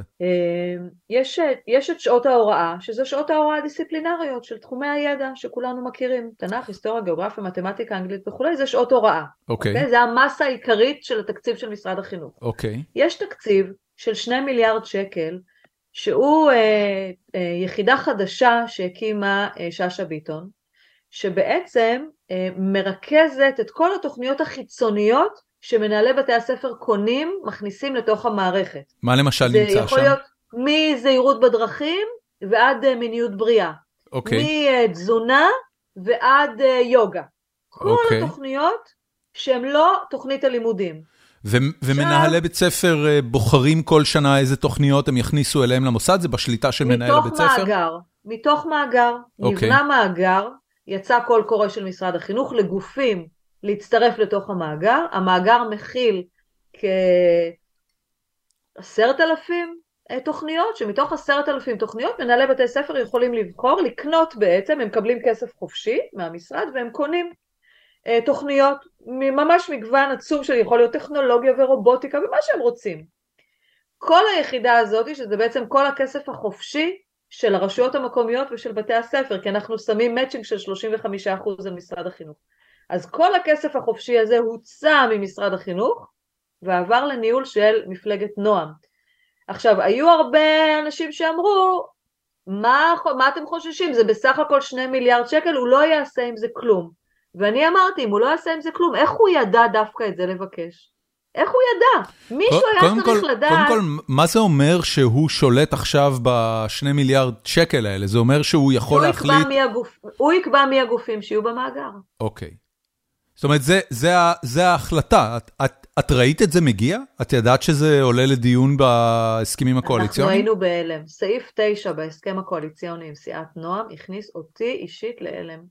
ראיתי פתאום בסעיף שכתוב שכל היחידה הזאת של, הת... של התוכניות יוצאת ממשרד החינוך ועוברת לסיעת נועם, שבעצם הוא, הוא, הוא יוציא עכשיו קול קורא ומכרז, הוא קובע את הקריטריונים של איזה תוכניות יהיו בתוך המערכת הזאת. עכשיו, היות שהאיש לא מתון, זה באמת לא עניין של שמאל וימין, הוא לא מתון, הוא איש מאוד מאוד מאוד קיצוני ושנוי במחלוקת בדעות שלו. אז, אז מן הסתם, לחברות ליברליות ולרשויות מקומיות ליברליות עלה חשש של מה יהיה עכשיו בבתי הספר, כי אין תקציב מעבר לזה, אין תקציב מעבר לזה, זה הכל. וכשראיתי את ההסכם הקואליציוני בבוקר, אז אני בצהריים הוצאתי את המכתב למנהלי בתי הספר, שאחרי התייעצות עם ראש העיר כמובן, ובאישורו, ו... ובהחלטה שאני אוציא את המכתב ולא הוא, כדרג מקצועי, כי זה לא עניין פוליטי, והוצאתי מכתב למנהלים שאני מבקשת להבטיח להם שאם לא יהיה במאגר שום דבר שתואם את הערכים של העיר, העיר תממן. אוקיי. וזה אני... הסרש, זה בעצם הוביל את מרד הרשויות המקומיות. זה, זה מה שמכונה מרד, אנחנו... מה שמכונה, כן. את יודעת, בישראל הפער בין הסערה התקשורתית לבין המציאות בפועל הוא קורא, הוא לא קורא, הוא לוקח חודשים, הוא לוקח שנים, זה כזה, זה קצת כמו עם המפות. ישראל, נכון. בהרבה מאוד תחומים של חיינו, חיה בנדמה לי. כן. והנדמה לי הזה הוא מספיק נעים בשביל ש, שאנשים יגידו שהמציאות הזאת קורית, בעוד שבפועל היא לא קורית, אבל אפשר, כאילו העניין הזה של אה, להיות אותנטי למציאות, זה משהו שישראל כמדינה ויתרה עליו לפני הרבה שנים, מסיבות פוליטיות, זה פשוט לא נוח. כן. אמ, אז, אה, אז אוקיי, עד כמה, עד כמה את חושבת שהחשש הוא קונקרטי? זאת אומרת, עד כמה לשנה הבאה, ל-2023, או, או שנת הלימודים... אה, שתתחיל בעוד אה, שמונה חודשים, עשרה חודשים, אה, עד כמה זה, זה באמת הולך לשנות את, ה, את ההיצע שיש לתלמידים בתל אביב? המכרז אמור לצאת בינואר, ובמרץ ייסגר המכרז, ונדע איזה גופים אה, נכנסו למאגר. ו- ואת ה- את המכרז הזה מנהל משרד החינוך מעוז. בירושלים, אבי מעוז. לא הוא... משרד החינוך, זה יצא ממשרד 아, החינוך. אה, זה, זה הוא אישית. הוא אישית. הוא יקבע. הוא, הוא יקבע כי הוא קיבל גם את כל הצוות שאחראי על זה, אז הוא יקבע. הבנתי. אז אנחנו בפברואר... יכול להיות שבגלל הרעש, בגלל שכבר 160 רשויות הצטרפו למכתב הזה, אז אני מניחה שהוא יהיה זהיר. אה, בין זהיר לבין, אה, אה, לבין יאשר את כל מה שאושר בשנים קודמות, יש פער. תכף נגלה פער. מה הפער הזה. זה נכון. את יודעת, אני, אני, אני רוצה רגע לספר לך על מערכת החינוך שהילדים שלי לומדים בה. אה, קודם כל, איך היא נראית ברמה התקציבית. כן. הכסף שמממן את אה, מוסדות החינוך של הילדים שלי, שהם חינוך ציבורי פה אה, בפרבר שנקרא סידר פארק בצפון אוסטין, אני משלם מיסים ישירות לרשות המקומית על חינוך הילדים שלי. יש לי אגרה שנתית של... סליחה, כמה אלפי דולרים, לדעתי, זה, זה, לא יודע מה, בין 6,000 ל-9,000 דולר בשנה, משהו כזה. לילד? לא, לא, לא, לא. אה, שלושתם. זה, זה property tax, זה בעצם נגזר ממיסי הארנונה המקומיים. אוקיי. אז אני משלם את זה פר הבית שלי, וזה אוקיי. הולך לרשות המקומית, ו, וחוזר אליי בחינוך, אבל זה ממש, השורה בהצהרת, כן. בחשבון המס, אה, היא ממש לחינוך. את, אה, את כל אה, מועצת החינוך המקומית, אה, אני מצביע עליה בבחירות המקומיות. היה עכשיו מידטרמס, אז הצבענו לאיזה שלושה מושבים במועצת החינוך. קיצור, כל העסק, כולל התפקיד שלך, הם אישי ציבור נבחרים, שמתמודדים על בחירתם ברשות המקומית ו- ונבחרים אחת לארבע שנים אה, לקדנציה נוספת. כל התקציב נשאר ברשות המקומית, אין למעשה לא לשלטון הפדרלי ולא לדעה פוליטית שהיא כן. לא מקומית, אין כן. שום יכולת להשפיע על זה. ויותר מזה אני אגיד לך, כש, כשהמושבים שרצים ל, ל, למועצת החינוך המקומית אה, אה, מתמודדים על תפקידם, יש להם את המניפסט שלהם, שהם חייבים אה, לתקשר אותו, מה הם מאמינים בו, אה, כן פלורליזם, לא פלורליזם, שמרנים, יש להם, יש, להם, יש להם מילים לכסות כל מיני דברים, אם הוא... אה, שמרן נוצרי, אז הוא ידע לדבר על ערכי משפחה, ואם הוא ליברל אה, פרוגרסיבי, כן.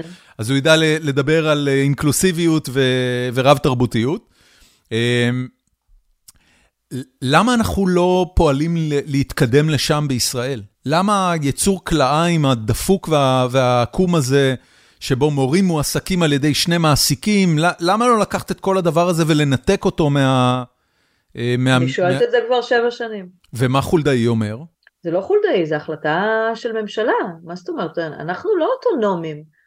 אנחנו לא מקבלים כסף מהתושבים. אנחנו... אבל, אומרת, אבל אתם הארנונה, כן, הרי הארנונה... הארנונה מממנת אה, לפחות את לא 5,000-7,000 העובדים ש... לא, לא, לא, לא, לא, רוב התקנים הם תקנים שאנחנו מקבלים עליהם אה, ממשרד, ממשרד החינוך, ממשרד האוצר, ממשרד הפנים. הבנתי. התפקיד שלי הוא סטטוטורי, הוא ממומן על ידי משרד הפנים. אני לא יכולה לקבל, נגיד, אה, מנכ"ל העירייה לא יכול להעלות לי את השכר כמה שהוא רוצה. זה הכל הסכמי קיבוציים של רשויות מקומיות, זה הכל, הכל קבוע. הבנתי. אין, אין שום אוטונומיה, כמעט אין סמכויות לרשות מקומית. אנחנו לוקחים המון סמכויות לעצמנו, כי אנחנו תל אביב-יפו וזה חולדאי. אז אנחנו לוקחים המון סמכויות שאין לנו. לי אסור לשנות את תוכנית הלימודים בבית ספר, אז אני משנה.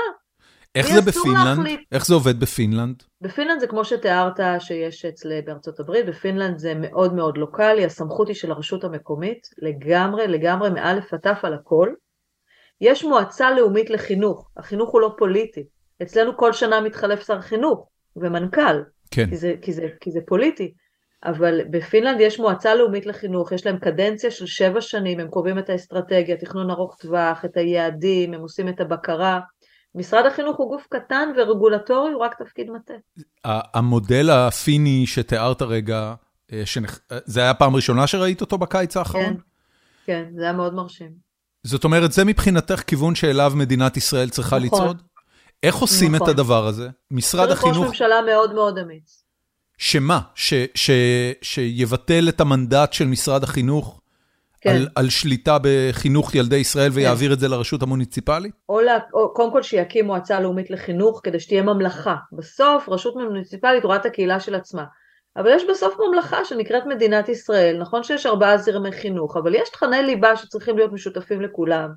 נגיד 50% מהתכנים והערכים יכולים להיות משותפים לכלל ילדי ישראל. בסוף אנחנו כולנו גרים פה במדינה מאוד מאוד קטנה ואין שום דבר משותף בין הבת שלי לבין ילדה בבני ברק באותו גיל, או בין הבת שלי לבין ילדה ברהט באותו גיל. כן. אז מה המשמעות של חינוך ישראלי? מה המשמעות של הדבר הזה? תראי, בשביל, בשביל אנחנו... להגיע לדבר הזה צריך קודם כל להסכים על כמה דברים. יש... אז uh... אני חושבת שזה תפקיד של מועצה לאומית לחינוך שהיא א-פוליטית, היא מייצגת את הזרמים, היא מביאה פה איזה ערך של, של משהו, של, של מה, מה זה ישראל, איך ישראל תהפוך להיות אומת החינוך, איך, איך, איך נהיה לא רק אומת הסטארט-אפ ולא רק, לא יודעת, אומת הסולידריות אבל הנה הדבר הזה נתקל במציאות כשיש לך uh, מגזר שלם שלא מסוגל להכיל uh, uh, מפה שבה מסורטטים גבולות הריבונות הישראלית כפי שהעולם מכיר בהם היום, ושהשאיפה שלו היא למדינה שהבסיס שלה אה, בסיס, הבסיס המשפטי שלה הוא הלכה ולא,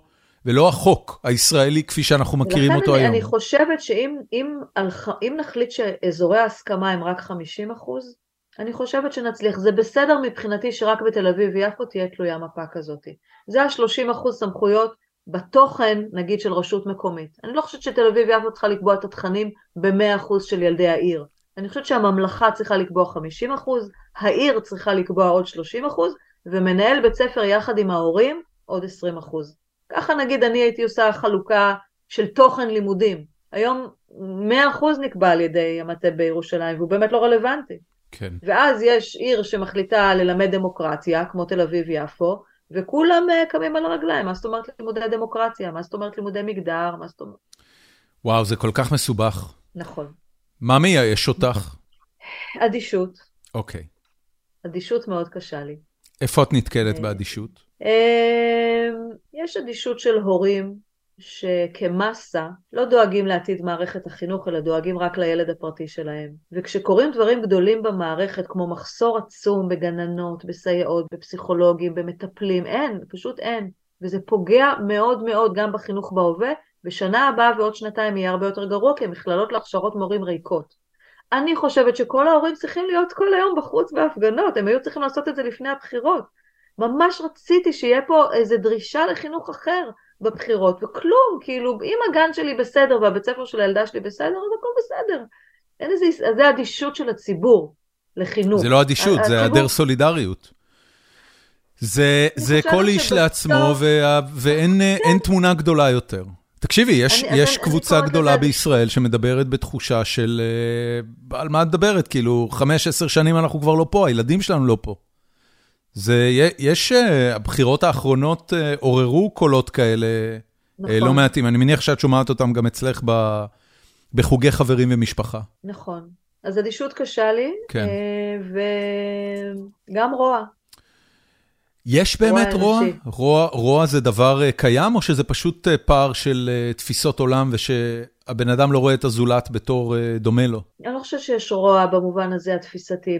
זה, בדברים שאתה, שהתייחסת עכשיו, זה באמת הבדלי תפיסות, ואני לא חושבת שזה רוע, אבל רוע, אני מתייחסת רוע כלפי ילדים. אוקיי. Okay. שוב, אני מאוד מאוד עסוקה בילדים וילדות, זה מה שאני רואה כל היום, ואני רואה יותר מדי ילדים שנפגעים. נפגעים מהורים, נפגעים ממבוגרים אחרים, אה, הרבה. וזה מבחינתי רוע, פגיעה בילד היא רוע. ו- ואני רואה את זה יותר מדי לצערי. כן. אה, במערכת. טוב, אה, תקשיבי, טוב. לפודקאסט הזה, כן. יש uh, קבוצת פייסבוק שנקראת פורום החיים עצמם של גיקונומי, ופרסמתי כן. אתמול שאת הולכת להתארח, כן. והזמנתי את המאזינים שלנו, אני, אני עושה את זה בכל פרק, זה עניין קבוע, uh, לשאול אותך שאלות אם יש להם, ו, ולהפתעתי הרבה, היו הרבה שאלות. אז אני, אני אתחיל לשאול אותך, בסדר? טוב. ערן קרקובסקי כתב מלא שאלות, אבל... אבל אני אני אשאל אה, ככה מדגמי. קודם כל, אה, איך קובעים את חלוקת העבודה בין הפיקוח למנהל למנהל החינוך העירוני? אה, מה מנהל אמור לעשות כשהוא מקבל הנחיות סותרות בין משרד החינוך לבין המנהל העירוני, שזה שאלה אתם? מצוינת, כן. שאלה מצוינת. אנחנו משקיעות המון המון המון המון ביחסים עם הפיקוח, כדי שלא יהיה מצב כזה שאימא אחת אומרת ככה ואימא אחרת אומרת דבר אחר. אנחנו משקיעות המון ביחסים עם הפיקוח, ולשמחתי בהצלחה רבה. יש בינינו תמימות דעים שלטובת המנהלים והמנהלות אנחנו נדבר בקול שווה. אז את חילוקי הדעות אנחנו פותרות בינינו, ולמנהלים בדרך כלל אנחנו מגיעות בקול שווה. היה לנו למשל בקורונה מצב שהנחיות משרד החינוך סתרו את הנחיות הרשות המקומית. זאת אומרת, משרד החינוך אמר, אסור, אישרו הרי קפסולות של תשעה ילדים אה, בחוץ, מפגשים של תשעה בחוץ, היה מותר, גם בתקופת הסגר. אז אמרנו, אוקיי, אם מותר תשעה בחוץ, אז מותר גם תשעה ילדים. אז בואו נלמד בחוץ בקבוצות של תשעה ילדים. ומשרד החינוך אמר לא. ואנחנו אמרנו למנהלים כן, למשל. אוקיי. Okay. אה, וזה היה מצב קשה, או למשל, אה, כל מיני, בקורונה, כל הזמן, כל הזמן, כל הזמן היה לנו חילוקי דעות, אבל היות שמשרד החינוך יחסית נעלם בקורונה, באיזשהו שלב, לא יודעת, אנחנו לקחנו פשוט את, ה, את המושכות אלינו, וזהו, ואנחנו קבענו מה יהיה. אבל זה היה, זה היה מצב לא נעים. כעיקרון משרד החינוך אמור, אה, אה, יש מפקחות, המפקחות מפקחות על המנהלים, המנהלים הם מנוהלים על ידי משרד החינוך, גם המורים, והם אחראים לכל מה שקורה בבית ספר. אז אני חושבת שיש רשויות שבהן זה ככה קורה. בתל אביב יפו זה שונה, גם כי אנחנו רשות חזקה, גם כי מנהל החינוך מורכב מנשות חינוך אה, מאוד מאוד חזקות. אה, הצוות שלי הוא צוות נפלא, ואנחנו בקשרים מאוד טובים עם מנהלי בתי הספר. אני אגיד שזה גם עניין של תקציב. רוב הרשויות, נגיד 70-80 אחוז מהתקציב שלהם זה משרד החינוך, ורק 20-30 אחוז זה תקציב עירייה. כמה זה בתל אביב? אצלנו 55 אחוז זה תקציב עירייה. אוקיי. עירייה. זה, זה משנה את מערך הכוחות. החינוך הוא יותר נמוך, ויש לזה השפעה דרמטית, בסוף המנהלים מבינים את זה. Uh, עוד שאלה של ערן, uh, איך, אה, וגם אמרת את זה קודם, שאתם אה, משתדלים לתת אה, עצמאות למנהלים, ושכיף כן. לנהל בתל אביב בגלל זה. תני לי דוגמה למקרה שבו העצמאות הזאת לא באה לך באופן אישי טוב, אבל עדיין גיבית את המנהל. לא צריך להזכיר שמות, סתם מעניין אותי המקרה. אני אגיד שהיה מנהל בית ספר ערבי ביפו, שלתקופה מסוימת, אני חושבת שזה היה החג של הנביא מוחמד, במקום צלצול בית ספר, הוא שם את אה, קריאת המואזין. אוקיי, והיה לך קשה עם זה? אה, לא יודעת אם היה לי קשה, אבל אה, לא בטוחה שאני הייתי מקבלת החלטה כזאת, או שאם הוא היה שואל אותי הייתי אומרת לו שזה רעיון טוב. זה לגמרי להכניס אלמנט דתי מובהק לתוך, נכון, נכון, מוסד, נכון. מוסד החינוך. נכון. איך התמודדת. עם? זה? זה הגיע אלייך, מה, בתלונה של הורה? כן. הורה יהודי או הורה ערבי? של תושבים? של תושבים. אוקיי. איזה אחוז מהתלמידים הם מוסלמים? זאת אומרת... מאה אחוז. אוקיי. ספר ערבי. אז מי התלונן? אה, תושבים. יפו עיר מעורבת. אה, תושבים מסביב, שהמואזין פתאום אה, פרץ להם הביתה. כן. אוקיי. מה עושים עם זה? אה, הרם טלפון למנהל, מה הוא אומר? פשוט שיחה, להבין את שיקולי הדעת, להבין אם הוא רואה את המחירים, לשאול עד כמה זו הייתה החלטה משותפת לצוות. אם אני מקבלת את שיקול דעתו, אז, אה, ואת המניעים, ואני, והמחיר הוא לא מאוד גבוה, וזה לזמן מאוד, זה לא שעכשיו מעתה והלאה זה היה הצלצול, זה היה לכמה ימים של, של החג, אז קיבלתי את זה. הבנתי. אוקיי, דוגמה מצוינת. אה, יש מקרים שבהם לא תקבלי? שאת אומרת, אוקיי, כאן נעצרת העצמאות של אה, בית הספר, בבקשה תתיישר עם המינהל. כן, בוודאי שיש. אפשר דוגמה?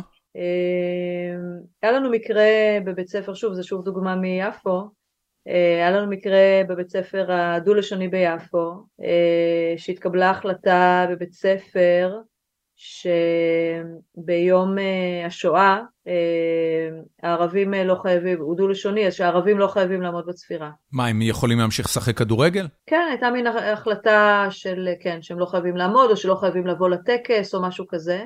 ו...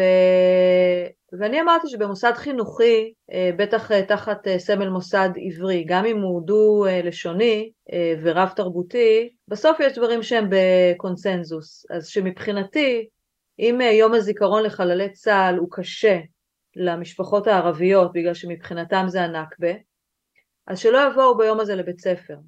אבל הם לא יכולים לבוא לבית ספר ולא לכבד צפירה של יום השואה או צפירה של יום הזיכרון ולהתנהל כאילו אין צפירה. זאת אומרת, היעדרות אה, היא מותרת בעינייך, אבל נכון. חוסר, אה, חוסר כבוד לא. נכון, נכון. אוקיי. יש איזה מקבילה מהצד השני? אם זה באמת בית ספר דו-לשוני, אה, והוא לכאורה אמור לכבד את שתי התרבויות שחיות פה למרות... אז הם אה, לומדים את הנכבה. ויש לזה טקס? זו החלטה של מנהלת בית ספר, יש לזה אירוע, לא טקס, כי לא נהוג לעשות טקסים אוקיי. אה, לנכבה, אבל היה דיון, לימדו את זה והיה דיון. וואו, מעניין. כן. איזה קשוח. אחד הדברים, אגב, את יודעת, פרספקטיבה, אחד הדברים שמקלים על, על מערכת החינוך האמריקאית, אה, להתמודד עם אה, טראומות העבר שלה, זה שהם מחקו אותם טוב טוב. זאת אומרת, אנחנו חיים כן. פה באזור שכולו בלי יוצא מן הכלל היה שייך ל-Native Americans, לילידים כן. אמריקאים. מחקו אותם עד הסוף, לא השאירו כלום לפני שמערכת החינוך באה והתחילה לספר כן. את הסיפור שלהם ולהכיל אותם. אני אמ, אתן לך עוד דוגמה ללקיחת אוטונומיה במובן הזה של מנהלי בתי הספר, זה ש... לפני uh, כמה שנים uh, ראש העיר uh, ביקש ממני שאנחנו נוציא מכל בתי הספר את העמותות הדתיות שמעבירות שיעורי יהדות וזהות יהודית. אוקיי. Okay. יש מנהלת זהות יהודית שהכניסה חינם לבתי הספר הרבה מאוד רבנים שהעבירו את השיעורים של זהות ורון אמר לי תוציאי מכל, אני מורה לך להוציא מכל בתי הספר את העמותות הדתיות תיקחי יהדות מתחדשת, תיקחי בינה, תיקחי uh, מכללת עלמה, תיקחי uh, מכון ארטמן אבל לא את, ה, את האלה שבאים... אה, לא את החינמים. אה, יהדות כדת, אלא יהדות כתרבות, והנחינו את כל המנהלים להוציא, ומבחינתם זה היה אובדן שעות, כי זה שעות שחינם, מגיע מישהו חינם, נותן את זה חינם, וזה היה אובדן שעות, אבל זו הייתה הנחיה של ראש העיר, ופה לא שאלנו. מעניין מאוד. אז מערכת כן. החינוך של תל אביב באופן גורף מחנכת ליהדות תרבותית ולא דתית. החילונית, כן. כן, מעניין מאוד. אמ, ארכדי אה, בוטמן, אני מקווה שאני הוגה את השם נכון, שואל, האם כיום להורים יש השפעה על התכנים שהילדים נחשפים אליהם במסגרת בית, בית הספר? אה, איך זה היום במערכת ואיך לדעתך זה צריך להיות במערכת? אז אמרתי כבר קודם שלדעתי להורים צריכה להיות השפעה על מה שקורה במערכת. אני חושבת שבתוך המאה אחוז של התכנים, 50 אחוז זה המדינה, 30 אחוז זה המגזר הספציפי או הרשות המקומית הספציפית, ו-20 אחוז זה צריך להיות ההורים ביחד עם מנהל בית ספר. היום ההורים בוחרים את התוכנית הלימודים הנוספת, את התל"ן, שזה שעתיים בערך בשבוע, שזה רק בחירת הורים, כי זה גם בתשלום של הורים, אז הם בוחרים את זה. יש יותר ויותר מנהלים, בטח אצלנו, שמאוד משתפים את ההורים בתכנים, מאוד מאוד משתפים, וההורים יודעים מה קורה בבית ספר, ומה נכנס, ומה לומדים, ואיך לומדים, ואיך נראית מערכת השעות, ותוכניות ייחודיות וזה, זה עוד לא אומר שלהורים יש השפעה על זה, אבל זה אומר שהם יודעים. אוקיי. Okay. אה, איך לדעתך זה צריך להיות? מלא? מועצת... מה מלא? אני מנסה לדמיין את המצב האידיאלי. אני מאוד מאמינה, אני מאוד מאמינה במקצועיות. אני חושבת שלא סתם מנהלי בתי ספר לומדים הרבה מאוד שנים כדי להגיע לניהול, okay. ולא אוקיי. סתם מורים ומורות עובדים. אני חושבת שמנהל בית ספר הוא בעל הסמכות המקצועית, מאוד מאוד סומכת על הפרופסיה שלו, והוא צריך להיות האדם שקובע יחד עם צוות המורים שלו, לא ההורים. אני חושבת שצריך להיות אחוז מסוים מהתכנים שלהורים יכולה להיות השפעה, אבל, אבל לא, ההורים לא יכולים לקבוע כי גם לא נסכים אף פעם על שום דבר. אתה יודע, מושיבים 50 יהודים ביחד זה 50 דעות שונות. נכון. אמ, אנחנו נחתור לסיום דורון עוד מעט? כן. בסדר. אמ, אמיר אגוזי שואל, איך את פותרת את המצוקה של הורים לילדים בגנים בצפון, כל, בצפון העיר, כשכמעט כל יום מקבלים הודעה שחסרה סייעת, מבשל, מבשלת או גננת ונאלצים להישאר עם הילד בבית? אז אה, קודם כל יש לנו מצוקה קשה של סייעות אה, ושל גננות. יש לנו בכל יום היעדרות של 100 סייעות והיעדרות של 40 גננות. כל יום ברחבי העיר, כל יום. אה, ובאמצע שבוע, לשמחתי, ממש כמעט ולא נסגרים גנים בכלל בכלל לא, אחד אולי בשבוע, בצפון יותר קשה כי בצפון סייעות פשוט לא מוכנות לבוא לעבוד בצפון העיר, הן כולן גרות בדרום העיר וביפו, הן לא מוכנות לבוא לגור בצפון העיר, אז הרבה יותר קשה. בצפון, אם נסגר באמצע שבוע זה רק בצפון, והבעיה שלנו היא בימי שישי, בימי שישי בממוצע נסגרים כ-20 גנים, כי אין מילוי מקום, בימי שישי אין מילוי מקום, אין, אין סייעות מילוי מקום. אז uh, אנחנו עכשיו עשינו תהליך uh, גם של uh, מאוד מאוד הטבות לסייעות, בטח לסייעות שעובדות בצפון, אנחנו נותנים להם הטבות uh, ייחודיות, אנחנו יצאנו, ב... שינינו גם את המבנה הארגוני אצלנו בגני הילדים כדי ש... להפחית את ההיעדרויות של הסייעות, לשבת עליהן יותר, שלא בקלות 100 סייעות יודיעו לנו בשש בבוקר שהן לא מגיעות, כי זה, זה קטסטרופה הדבר הזה, יש לנו קושי עם משרד החינוך שכל יום חסרות 40-50 גננות ואין מילוי מקום לגננות, אנחנו צריכים למלא מילוי מקום לגננות על ידי סייעות, אז אני חייבת להוציא סייעות שניות מגני הילדים כדי למלא מקום של סייעות כיתתיות.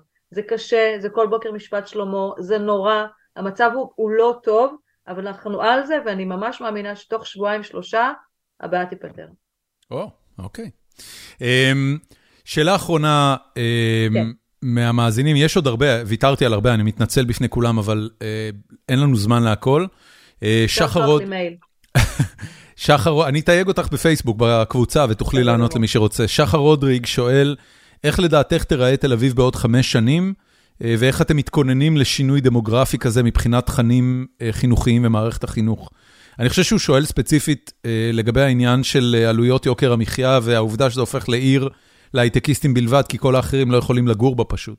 קודם כל, בעוד חמש שנים יהיו רכבות קלות בתל אביב-יפו. אוקיי. Okay. אז, אני חוש... אז באמת אני חושבת שזה ישנה את העיר מהיסוד.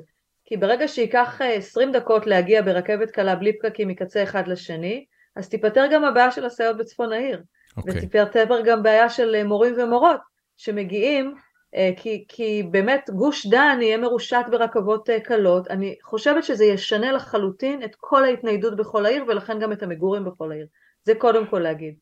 הוא שאל על תכנים, אני חושבת שמבחינת תכנים, אני לא יודעת אם הוא דווקא שאל על, על הייטקיסטים שיכולים לגור בעל יוקר המחיה, אני דווקא לקחתי את זה למקום של משרד החינוך והחדשות לבקרים ההסכמים הקואליציוניים שנחשפים ושאנחנו רואים כמה רעות נופלות לנו על מערכת החינוך, אז אני לא יודעת למה הוא התכוון, יכול להיות שאני אמשיך איתו את ההתכתבות בפייסבוק, אבל uh, אני אופטימית שהרכבת הקלה תשנה את היכולת של אנשים לנוע בתל אביב ביתר חופשיות, גם של מורים ומורות, כי כיום ההתניידות היא הקשה והחנייה היא הקשה, לא ההגעה, אלא בתוך העיר והחנייה. ולגבי תכנים אני מאוד מאוד סומכת על היכולת של תל אביב-יפו ושל העומד בראשה להגן על העיר אה, מפני כל מה שיבוא.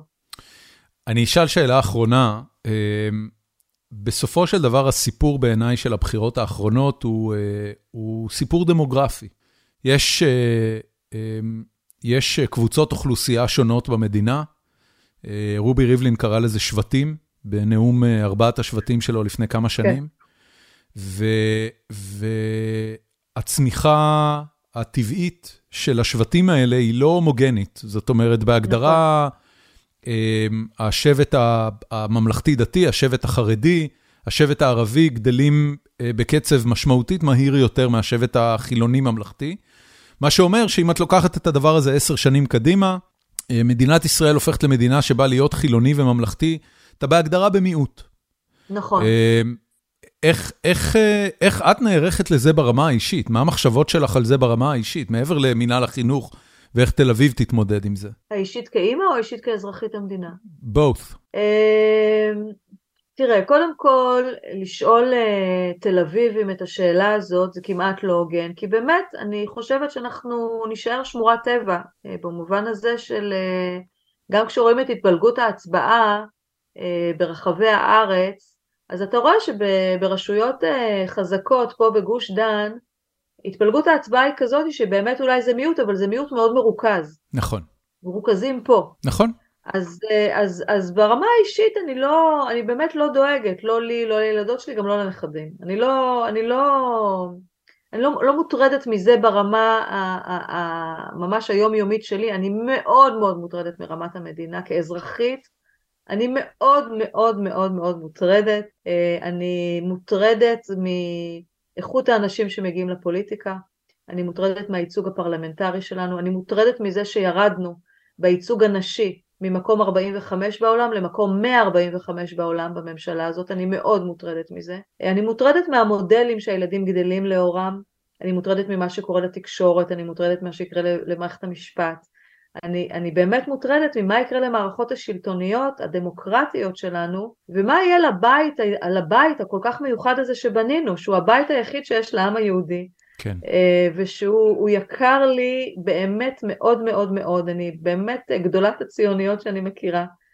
ואני, אני, זה באמת מדיר שינה מעיניי, זה יצא לי עם הרבה פאתוס אבל באמת אני מאז הבחירות מאוד מאוד מוטרדת, מאוד. זה, זה אומר שהמסלול אה, שלך יוביל גם לפוליטיקה ארצית באיזושהי נקודה? אה, תראה, בזמן האחרון אני, אני, אני חושבת שאולי בסוף לא תהיה לי ברירה במובן הזה שזו מערכת שאני בורחת ממנה כי היא מערכת שבורה, היא לא מערכת בריאה. את מדברת על, לא ה... מערכת... על השלטון המרכזי בירושלים. כן, היא מערכת, היא מערכת שבורה, היא צריכה לעבור תיקון מהותי כדי שאפשר יהיה להצליח לחולל בה שינוי.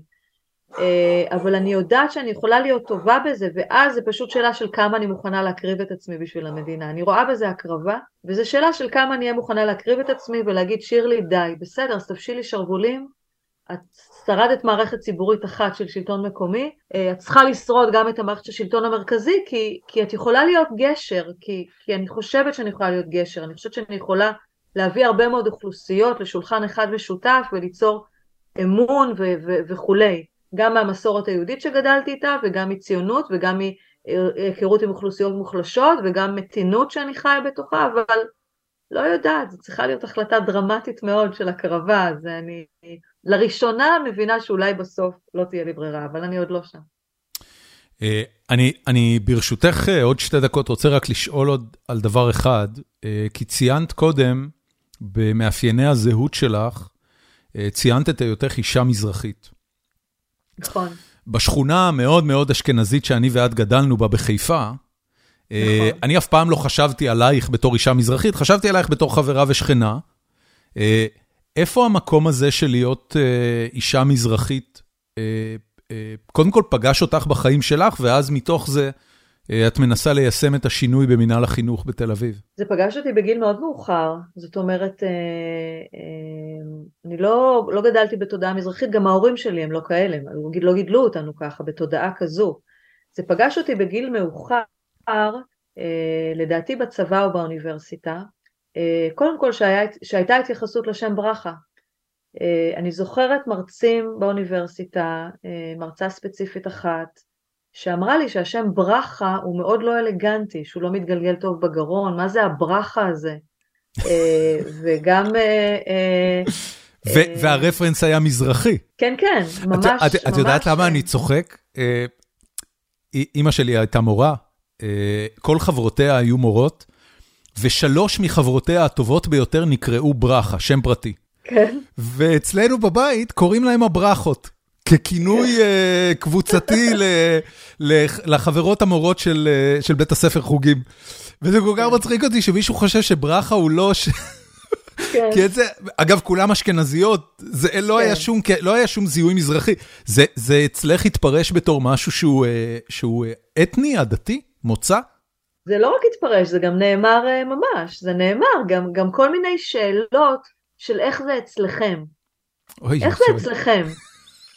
אני זוכרת שבאתי פעם ראשונה להכיר את סבתא של רון, וסבתא של רון מאוד מאוד שונה מסבתא שלי, שכאילו גם הייתה די אנאלפביתית, גם מטפחת ראש, גם דיברה רק ערבית, זאת אומרת זה לא, לא סבתא אשכנזייה עם שיער סגול שהולכת לקונצרטים באופרה ולאופרה, כן? כן. פה בצפון, בתל גם זה דימוי קצת מוגזם צריך לומר, אבל בסדר. לא, אבל זאת הייתה סבתא של רון. אוקיי, באמת באמת זאת, סבתא של רון הייתה אישה אשכנזייה עם שיער סגול שהלכה כל הזמן לאופרה. הבנתי. וגרה פה ברחוב וייזל בתל אביב. אני הייתי בשוחרי הבימה.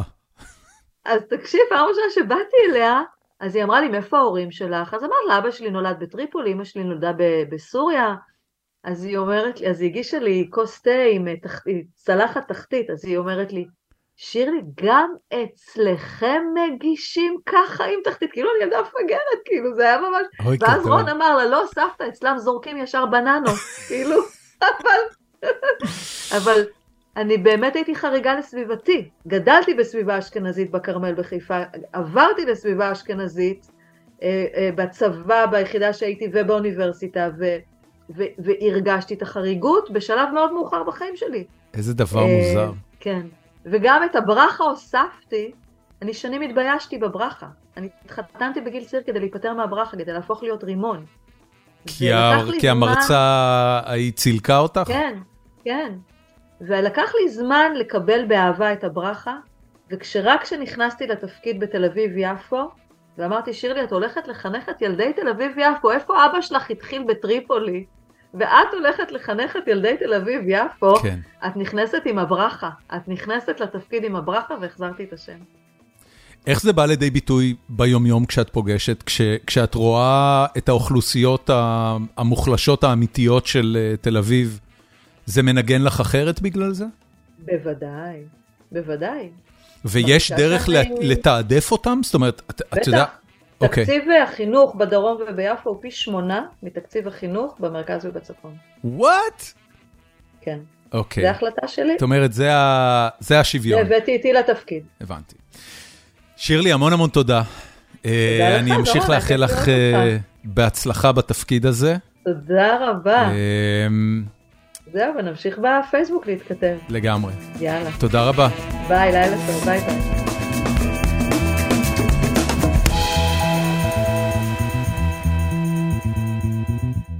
ועד כאן הפרק. את החפירה שלי אני אה, רוצה להקדיש למשהו שהתכוונתי לדבר עליו עם שירלי, אבל אה, בסופו של דבר לא דיברתי איתה, כי תוך כדי שניהלתי איתה את השיחה ושמעתי ממנה על האתגרים השונים של מערכת החינוך בתל אביב, הבנתי ש...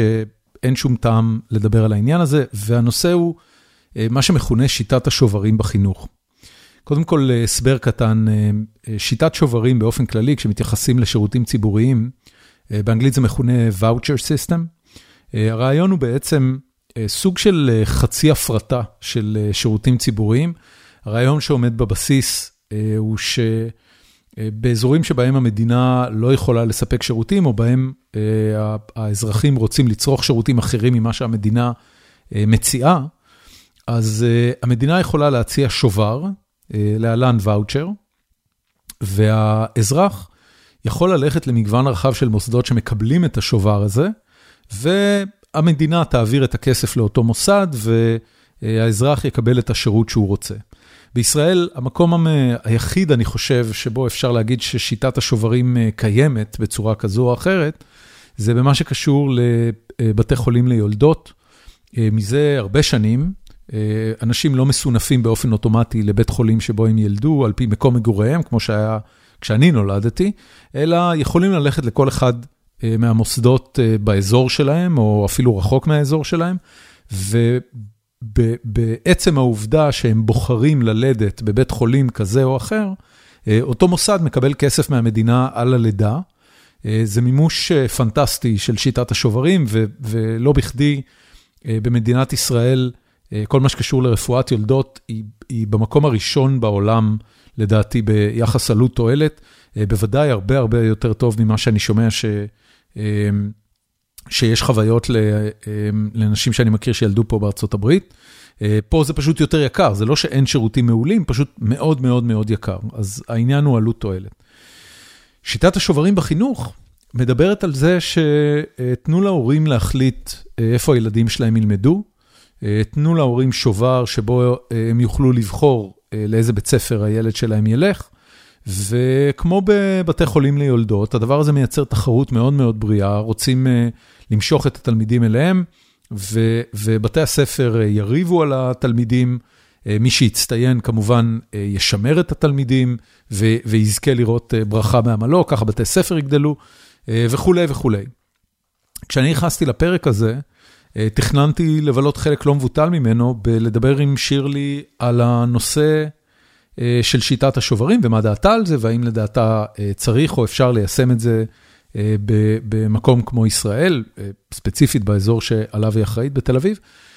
ואז אה, הרגע שבו החלטתי לרדת מכל העניין, היה הרגע שבו היא אמרה לי שבעצם אה, משרד החינוך הוא זה שמעסיק את המורים, הוא זה שמשלם את שכרם, ולהם, ל, לרשות המקומית, בעצם כל מה שנשאר זה רק לפקח על התוכניות ההיקפיות, על הלוגיסטיקה של בתי הספר, על דברים מסוימים שקורים בתוך בית הספר, מנהלים למשל, אבל, אבל הרבה מאוד מתוכן תוכנית הלימודים לא מגיע מהרשות המוניציפלית, לא מגיע ממנהל עירוני כזה או אחר, אלא מגיע ישירות ממשרד החינוך בירושלים. ו, ובאותה נקודה, אה, הקונספט של שיטת השוברים נראה לי כל כך רחוק וכל כך מגוחך, שלא היה בעיניי טעם לדבר על זה. כי לפני שהולכים אה, על הפרטה מלאה אה, ותחרות מלאה בין מוסדות חינוך ובין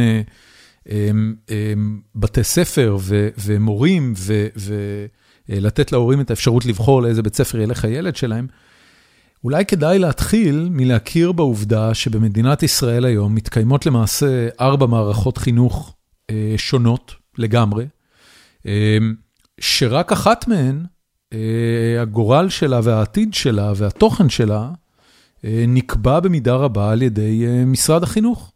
בראש ובראשונה, זירת, ה, זירת הקרב של מלחמת התרבות של מדינת ישראל, נקבע על ידי משרד החינוך בירושלים.